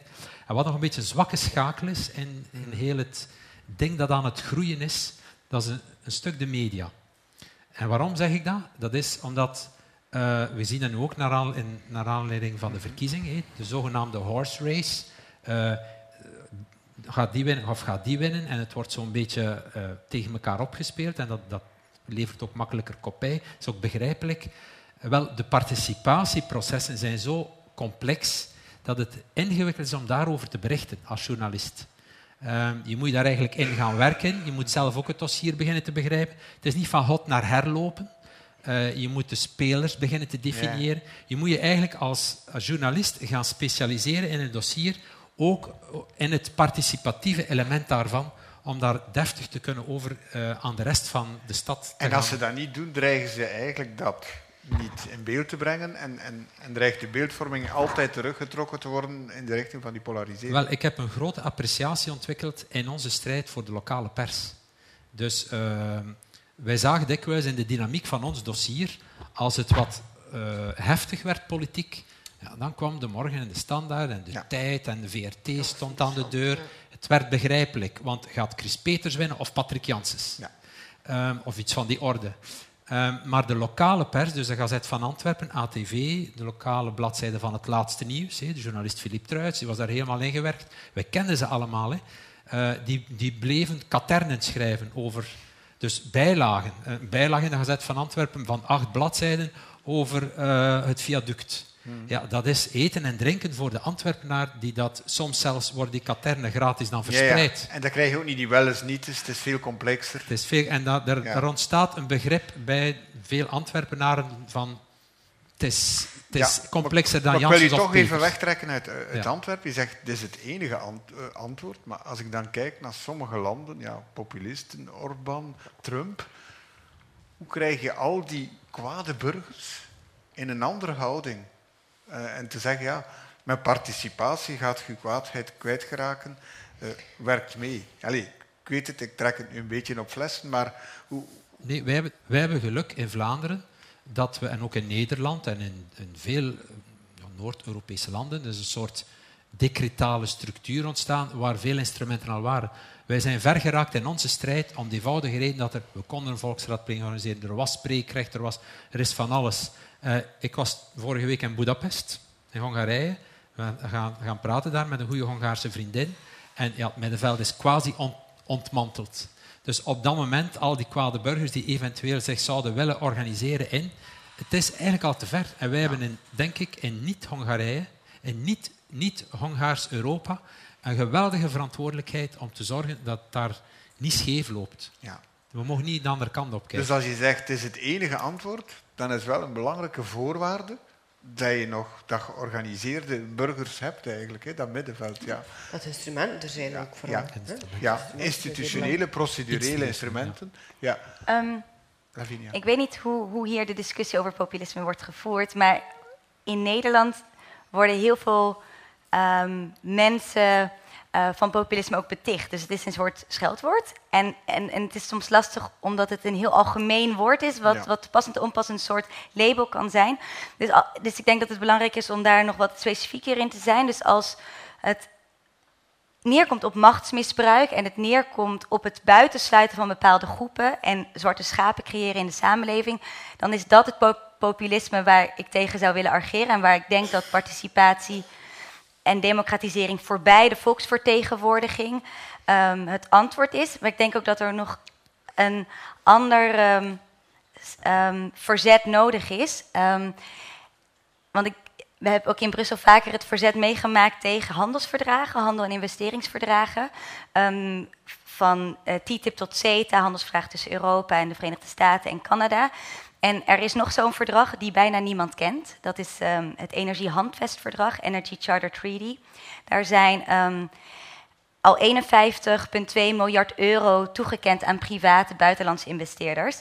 Um, en het komt erop neer dat als we niet deze machtscentra, om het maar zo te noemen, in, oog, in het oog houden en zien wat voor macht, dus in dit geval buitenlandse investeerders hebben om onze overheden en onze gemeentes indirect aan te klagen bij bepaalde beslissingen, uh, bij bepaalde beleidsveranderingen in het uh, belang van de burger.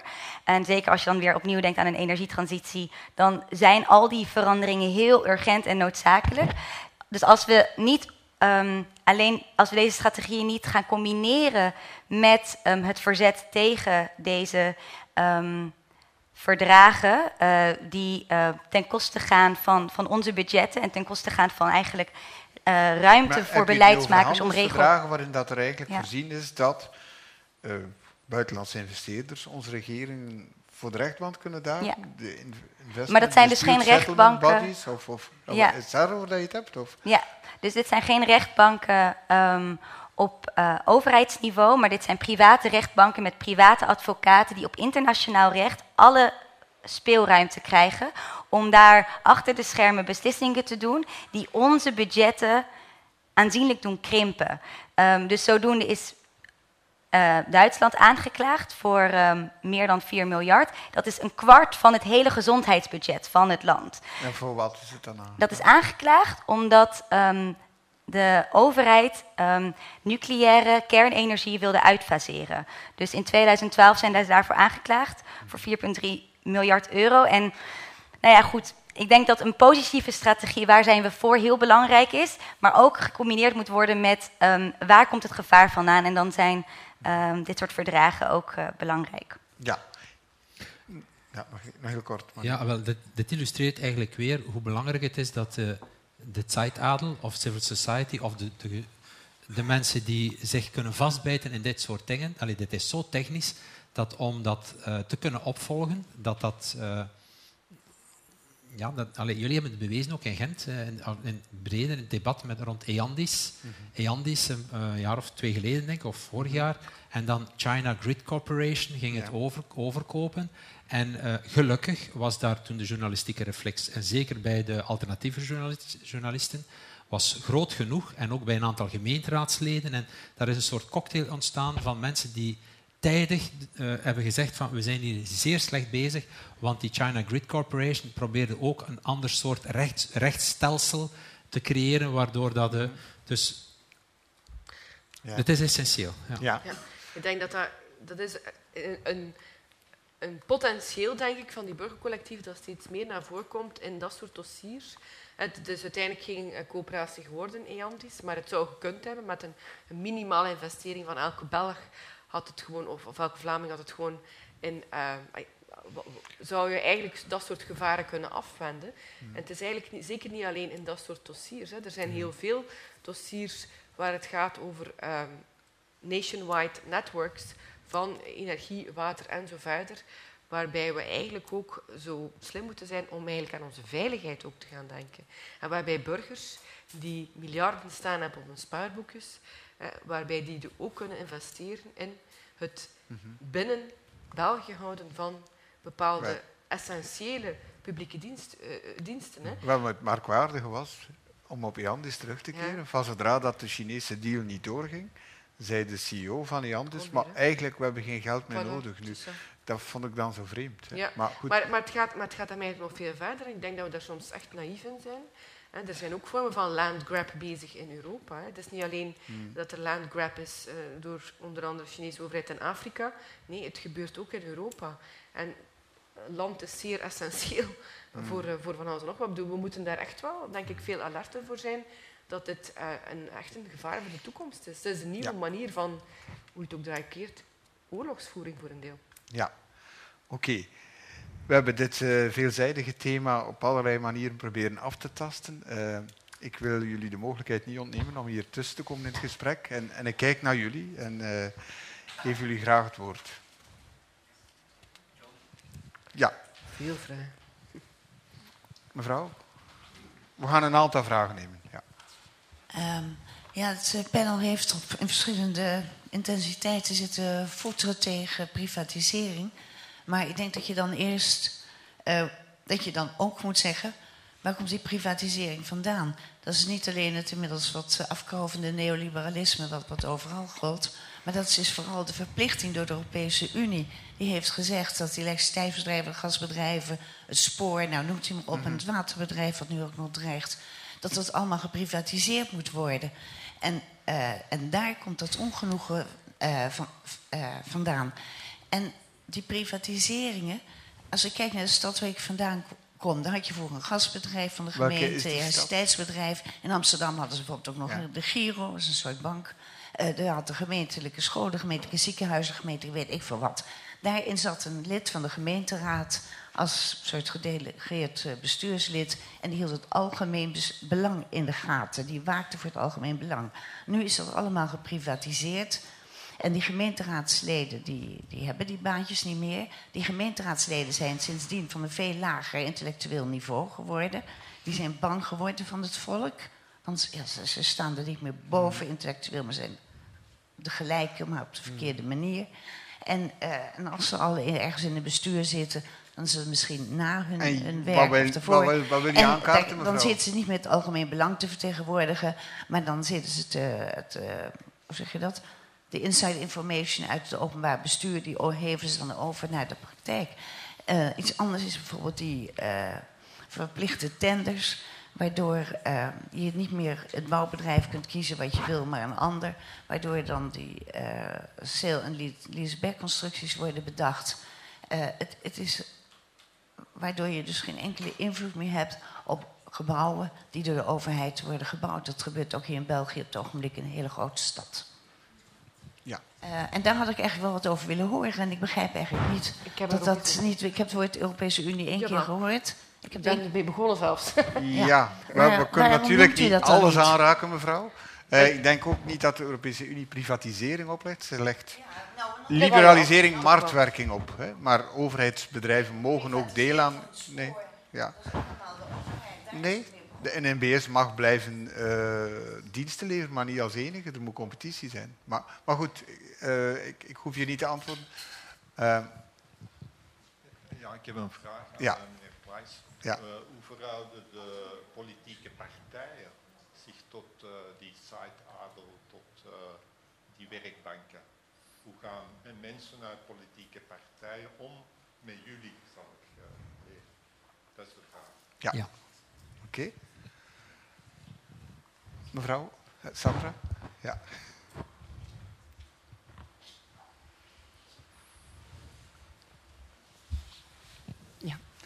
Eh, ik had een, een vraag bij de ontstaansredenen van die burgerinitiatieven. Ik ben daar eh, voor, voor de goede verstaander, ik ben daar eh, zelf een fan van. Maar ehm, vooral dan in de zorgsector, en zeker gecombineerd met een rechte benadering, vraag ik me soms wel eens af van, maken we het soms de overheden niet gemakkelijk? Hè? Door, eh, en ik denk dan dat het zeker niet de meerderheid van die burgerinitiatieven en dan vooral de geïnstitutionaliseerde vorm daarvan betreft. Maar ik kan me toch niet eh, van het idee ontdoen dat sommigen echt wel, hè, het is hier al gezegd geweest, vanuit een miserie, vanuit een armoede, maar ik denk ook vanuit een gebrek van eh, verantwoordelijkheid die sommige overheden, bestuurders dan in het algemeen, toch niet opnemen. En, en dan denk ik van, ja, het is allemaal mooi, maar soms is het toch ook wel een beetje een, een triestig verhaal. Hè? Van, bij gebrek aan, aan eh, duty bearers, hè, die dan hun taken naar behoren vervullen, ontstaan die burgerinitiatieven. Ik denk bijvoorbeeld aan een lokaal huis eh, voor opvang van eh, kindjes met een handicap. Hè? Ik, bedoel, ik vind dat nogal triest soms. Hè? Allee, het is misschien een beetje een triste noot, maar ik denk dat we daar toch ook oog moeten voor hebben. Ja, of dat eigenlijk geen zachte vorm van privatisering is. Hè? Je zou Ja. het zo kunnen noemen. Ja. Oké. Michel? Ik zou het eh, willen hebben over een van de aspecten van de mogelijke burgerinspraak. Eh, dat is voorzien in het gemeentedecreet artikel 200. Eh, dat men dus eh, als men eh, handtekeningen inzamelt van meer dan van minimum 1% van de inwoners van een gemeente boven de 16 jaar, dat men dus spreekrecht krijgt in de gemeenteraad en een voorstel kan doen. Dus dat, er is één partij die daar in feite radicaal tegen is, hè, vanwege het, hè, het argument van de primaat van de politiek. Wij zijn verkozen hè, voor zoveel jaar. En welke is dat? Die, welke Wel, is die partij? dat is de NVA. Hè, dat zit diep gebakken in hun ideologie. Eh, dus- Hebben zij zich daarover uitgesproken? Dat ja, ze daar tegen ja, zijn? Ja, Ja? ze hebben dus eh, eh, twee, twee eh, aspecten eraan. Eén op lokaal vlak in Aalst was er zo'n burgerinitiatief dat, op dat dus een motie wilde indienen en voorstellen op de gemeenteraad om zich CETA-vrij te verklaren. Eh, het bestuur, onder leiding van NVA, heeft gezegd... eh niet, dat, gaat, dat gebeurt niet. Niet tegenstaande jullie dat vereiste aantal handtekeningen hebben. Uh, want dat is geen gemeentelijke bevoegdheid. De inwoners zijn naar de gouverneur gestapt. De gouverneur, nogthans van dezelfde partij, heeft dus uiteindelijk gezegd: ja, de wetgeving is nu eenmaal zo, die mensen moeten spreekrecht krijgen. Dan heeft dus uh, het college ja.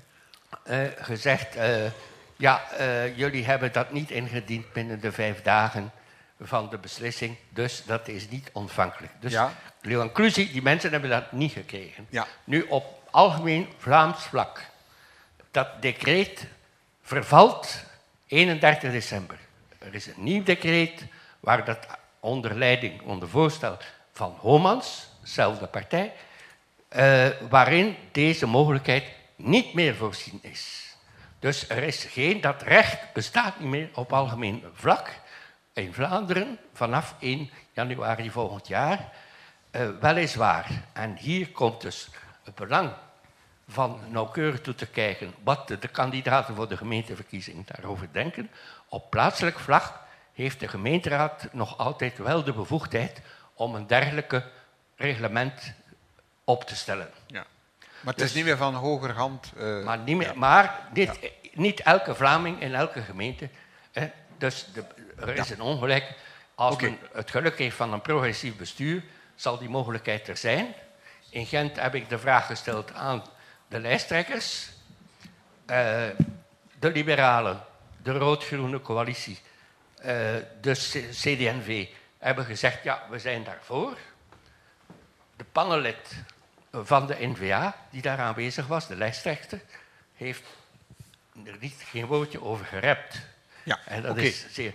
Goed, dus het is wel belangrijk dat we nu aan de kandidaten vragen: wat is jullie mening over deze burgerlijke democratie? En is dit een mededeling, Michel, of, of wil je ook iets vragen aan de mensen hier? Nee, wel, mijn vraag het is. Een mededeling. Nee, het is een, ja. een, een oproep aan het publiek om waakzaam te zijn en de kandidaten daarover te bevragen. Wij dus met het Links Ecologisch Forum stellen ja, de vragen aan een aantal kandidaten en die antwoorden op dat punt ook worden ook gepubliceerd. Ja. Oké. Okay. Goed. We hebben een viertal vragen. Eerst, de Europese Unie is niet vernoemd hier in, in het gesprek. Of, of ja. Um, ja, ik, wil toch, ik denk dat dat toch wel een terechte opmerking is. Um, in die zin dat er inderdaad enorm veel druk gezet is op overheden om inderdaad um, zowel meer diensten te gaan privatiseren, in de praktijk komt erbij, en ook meer publiek-private samenwerkingen aan te gaan. Nu in de praktijk blijken er ook nog wel andere wegen mogelijk te zijn, hè, maar die worden inderdaad onvoldoende benut. Ik denk dat, ik denk dat dat een zeer terechte opmerking is. Ik kan daar eigenlijk, ja, dat is, ik denk wel, ik vind, vind op zich ook zeer uh, positief dat er meer aandacht komt voor deprivatisering, want we mogen ons niet vergissen. Iets privatiseren is veel makkelijker dan iets deprivatiseren. Hè. Um, en ja, de bankensector is op dat vlak toch niet zo'n mooi voorbeeld. En dat is toch niet de, de route die we moeten ingaan. Dan, het andere maar, maar zeg je daarmee dan eigenlijk dat die hele Europese constructie haak staat op collectieve actie? Omdat je gedwongen wordt om, om competitie Europese... te organiseren en marktwerking te organiseren. Nu, er is ook één aspect dat we ons ook niet mogen uh, in vergissen. Veel van die burgercollectieven die een bepaalde dienstverlening overnemen, kunnen wel degelijk competitief meedraaien in die markt. Hè. Mm -hmm. um, zijn wel degelijk in staat om op een efficiëntere manier en een, een, met een beter kostenplaatje op het einde van de rit dezelfde dienst te gaan leveren, of zelfs beter en toegankelijker te gaan leveren. Ook omdat er gewoon, een, het is heel simpel, hè, er wordt geen, uh, een beetje afhankelijk van het model, maar er wordt niet noodzakelijk winst gedraaid. Mm. Hè, of de winst wordt geïnvesteerd. Hè. Dus de, er zijn andere, er zijn andere, andere doelstellingen die primeren dan bij een private, privaat bedrijf. Dus ik denk in die zin is het, um, is het ook mogelijk om voor een coöperatie van, om, om competitief te zijn in die markt. Ja. Ik wil nog even inpikken op wat mijn vrouw zegt in verband ja. met de zorg. Ik vind eh, eh, ook daar eh, helemaal gelijk. Het is uiteraard triestig in veel domeinen dat er geen alternatieven zijn. Um, en dat mensen, omwille van het feit dat er geen alternatief is, um, zich, moeten, ja, zich wel moeten uh, verenigen en zo'n uh, zo'n collectief op te, opzetten. Nu, um, het komt bepaalde... Uh, in Nederland is dat inderdaad de overheid op een bepaald moment zeer goed uit te komen. Het is ook een beetje samen aan het lopen met de decentralisatie van, van onder andere gehandicaptenzorg in Nederland, waarbij de overheid sowieso zegt van we leggen het lager neer. Um, en we moeten inderdaad, denk ik, zeer voorzichtig zijn bij het al te positief voorstellen van die hele trend. Daarom ook dat ik graag het onderscheid maak tussen de initiatieven die er uit opportuniteiten zijn en die andere die er eigenlijk zijn, omdat er weinig alternatieven zijn. Ondanks het feit dat zij niet alleen uh, in staat zijn om die zorg bijvoorbeeld collectief wel te realiseren en daarbij ook nog een aantal uh, community uh, building aspecten en zo er ook nog bij nemen. Dus het is meer dan alleen maar de zorg die niet geleverd wordt die zij creëren. Maar we moeten dat beeld zeker um, genuanceerd houden, uh, al was het maar om de Vlaamse en Belgische verantwoordelijken op dat vlak dat prentje voor te houden. Want ik weet bijvoorbeeld, ik, heb, ik werk veel samen met de in Nederland en die leiden met, met enige regelmaat ambtenaren en ook af en toe minister van Deur rond in Nederland, die dan uh, heel, heel onder, erg onder de indruk is van de Nederlandse zorgcollectieven, dat ze het allemaal zo geweldig overnemen van de overheid. Hè, maar die niet het volledige plaatje ziet waarom zij ontstaan zijn. Mm -hmm. En in die zin denk ik, hè, het, is, het is ook een beetje een, het is, het is een totaal verschillend beeld in België versus Nederland. In die zin dat de zorg hier nog sterk verzuild is. Kunt voor of tegen verzuiling zijn. Op dit moment en op het vlak van de zorg, denk ik, moeten we voor verzuiling zijn omdat dat op dit moment het enige is wat de privatisering van de zorg nog tegengaat. Mm. En als we die weg opgaan van verdere privatisering, die we trouwens al aan het opgaan zijn. Hè. Als je kijkt naar bijvoorbeeld het aantal bedden in de ouderenzorg, dan uh, neemt het aandeel van commerciële bedden ten opzichte van het aantal ja. bedden dat bijvoorbeeld door OCMW's verzorgd wordt of door uh, de Caritas van deze wereld, de VZW's, dan neemt het aantal commerciële bedden de percentage daarvan steeds meer toe. Maar als we eh, dat beeld niet genuanceerd ophangen, dan, de, en dan verdwijnen met termijn, op termijn de mutualiteiten en dan is de weg vrij voor een volledige privatisering van de gezondheidszorg, ook in België. Ja. En ik denk dat we daar um, niet gelukkig zullen van worden. Ja. Maar nu, er was een vraag specifiek naar jou gericht. Van hoe, hoe verhouden de politieke partijen zich tot de werkbanken? We, we hebben het er al eventjes over gehad, maar... Ja, dat is ja. een heel lang verhaal, maar ik ga het kort houden. We zijn al een kwartiertje over tijd aan het gaan. Dus. Ja. Uh, maar uh, we zijn daarin zoekende. Dus we zijn structuren aan het opbouwen om te kijken van hoe kunnen we uit alles wat we aan het doen zijn iets opbouwen dat uh, door kan gaan. Um, in de werkbanken zelf, waar, ik, die drie groepen samenkomen die ik heb beschreven, daar is het een beetje de cultuur dat politici zelf niet mee aanschuiven. Dus dat moet eigenlijk een veilige ruimte zijn, safe space noemen we dat dan, omdat veel van die dingen komen ook uit anglo-saxische omgevingen. Een veilige ruimte waar je mee kan vergaderen, de mouwen oprollen en, en je gedacht zeggen um, en niet echt berekenend moet bezig zijn.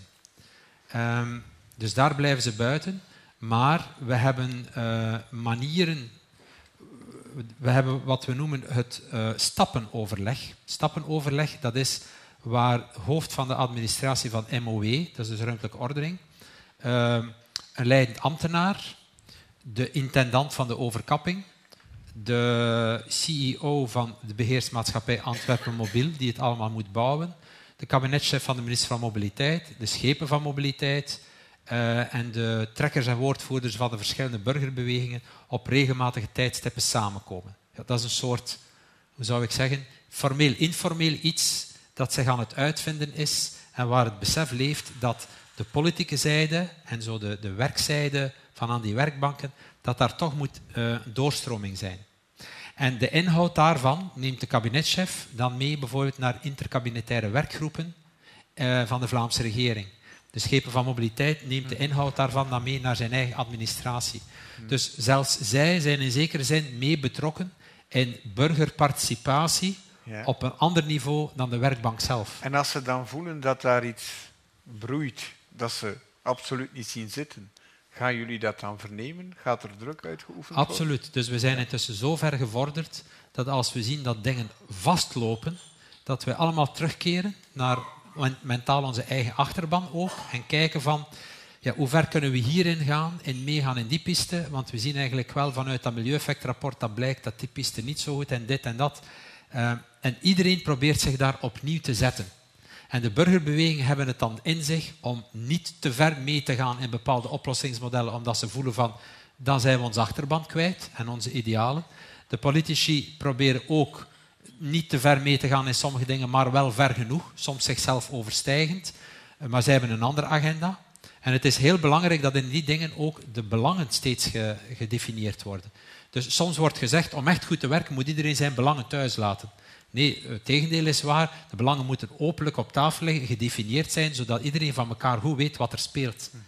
Dus dat is, uh, maar we zijn daarin aan het zoeken. En uh, hopelijk ontstaan er nieuwe structuren waar andere spelers dan later ook weer verder in kunnen gaan als wij ermee stoppen. Ja. Um, om toch nog even in te gaan op de twee belangrijke opmerkingen. Um, wat betreft Europa en ook de participatiesamenleving zoals we hem in Nederland kennen, helaas. Uh, wat niet participatie inhoudt. Um, dus in Europa um, denk ik dat dit een heel belangrijk vraagstuk is. En, en nu maak ik zelf ook de fout. Dus daarom, nu maak ik zelf ook de fout, wilde ik zeggen. Europa is niet de Europese Unie. En de Europese Unie is eigenlijk van origine een kartel in Brussel van kolen en staal. En nog steeds zien we dat de Europese Unie op een bepaalde manier functioneert dat het um, ja, grote bedrijven veel nader uh, um, aan het hart ligt. En het probleem is daarbij, denk ik, dat de Europese Unie heel tegenstrijdig is. Zeg maar. Als het gaat om milieustandaarden, dan gaan ze soms voorbij nationale standaarden. Maar als het gaat om, um, om bijvoorbeeld uh, de verdeling van het overheidsbudget, dan zijn sinds de financiële crisis heel veel steden met 75% gekort. Dus als een stad als Turijn in Noord-Italië dan bepaalde milieustandaarden moet opkrikken, wat heel goed is, maar tegelijkertijd maar 25% van het budget over heeft, hoe ga je dat beide combineren? Um, en als, als laatste op wat betreft de Europese Unie. Um, er is heel veel uh, grijs gebied wat betreft de, de regelgeving van de Europese Unie. En hoe nationale overheden dat, dat implementeren is heel belangrijk, omdat er heel veel onduidelijkheid is in hoeverre marktwerking uiteindelijk tot privatisering leidt. En in de, in de realiteit zie je dat het begint bij marktwerking en bij liberalisering, maar dat het uiteindelijk een duwtje is richting privatisering. Dus je kan die niet onderscheiden van elkaar. Um, en we gaan hierover in debat ook in Brussel op 6 november. Dus dan gaan we juist kijken naar op wat voor manier is de Europese Unie een, een, um, een obstakel richting progressief beleid op lokaal niveau? En op wat voor manier um, kan, kunnen we juist ook de Europese Unie inzetten tegen een limiet op nationaal niveau? hoe gaan we dat helder krijgen? Dus dat is misschien iets voor u. Um, in, in, de, in wat betreft participatie uh, samenleving in Nederland is dit woord zeg, zo, zo, hard misbruikt als maar kan, denk ik. Omdat de overheid zich zo veel mogelijk heeft teruggetrokken onder dat mom dat burgers het maar lekker zelf moeten doen. Um, en daarbij eigenlijk alle verantwoordelijkheid afstaan. Dus um, ik denk dat juist daarin ook de vraag besloten ligt: hoe gaan wij weer de overheid terugclaimen en ervoor zorgen dat, dat, we, dat wij zelf die overheid zijn en dat die daarom mee op, ja, op onze belangen dat, dient? Dat wou ik eigenlijk aan jou vragen. Is dat soms geen zachte vorm van privatisering? als de overheid terugtreedt en dat dan gezegd wordt, ja, de collectieven, de participeerders zullen het nu wel overnemen? Ja, of, of? ja precies. En daarom is juist ook um, de lokale overheid een, een bindmiddel wat zeg maar, die enorme discrepantie die groter en groter is geworden tussen nationale politiek en de burger weer kan sluiten. En, en kan laten zien dat een overheid niet per se log hoeft te zijn, niet per se alleen maar uh, met de private sector hoeft samen te werken, maar juist um, democratisch kan opereren.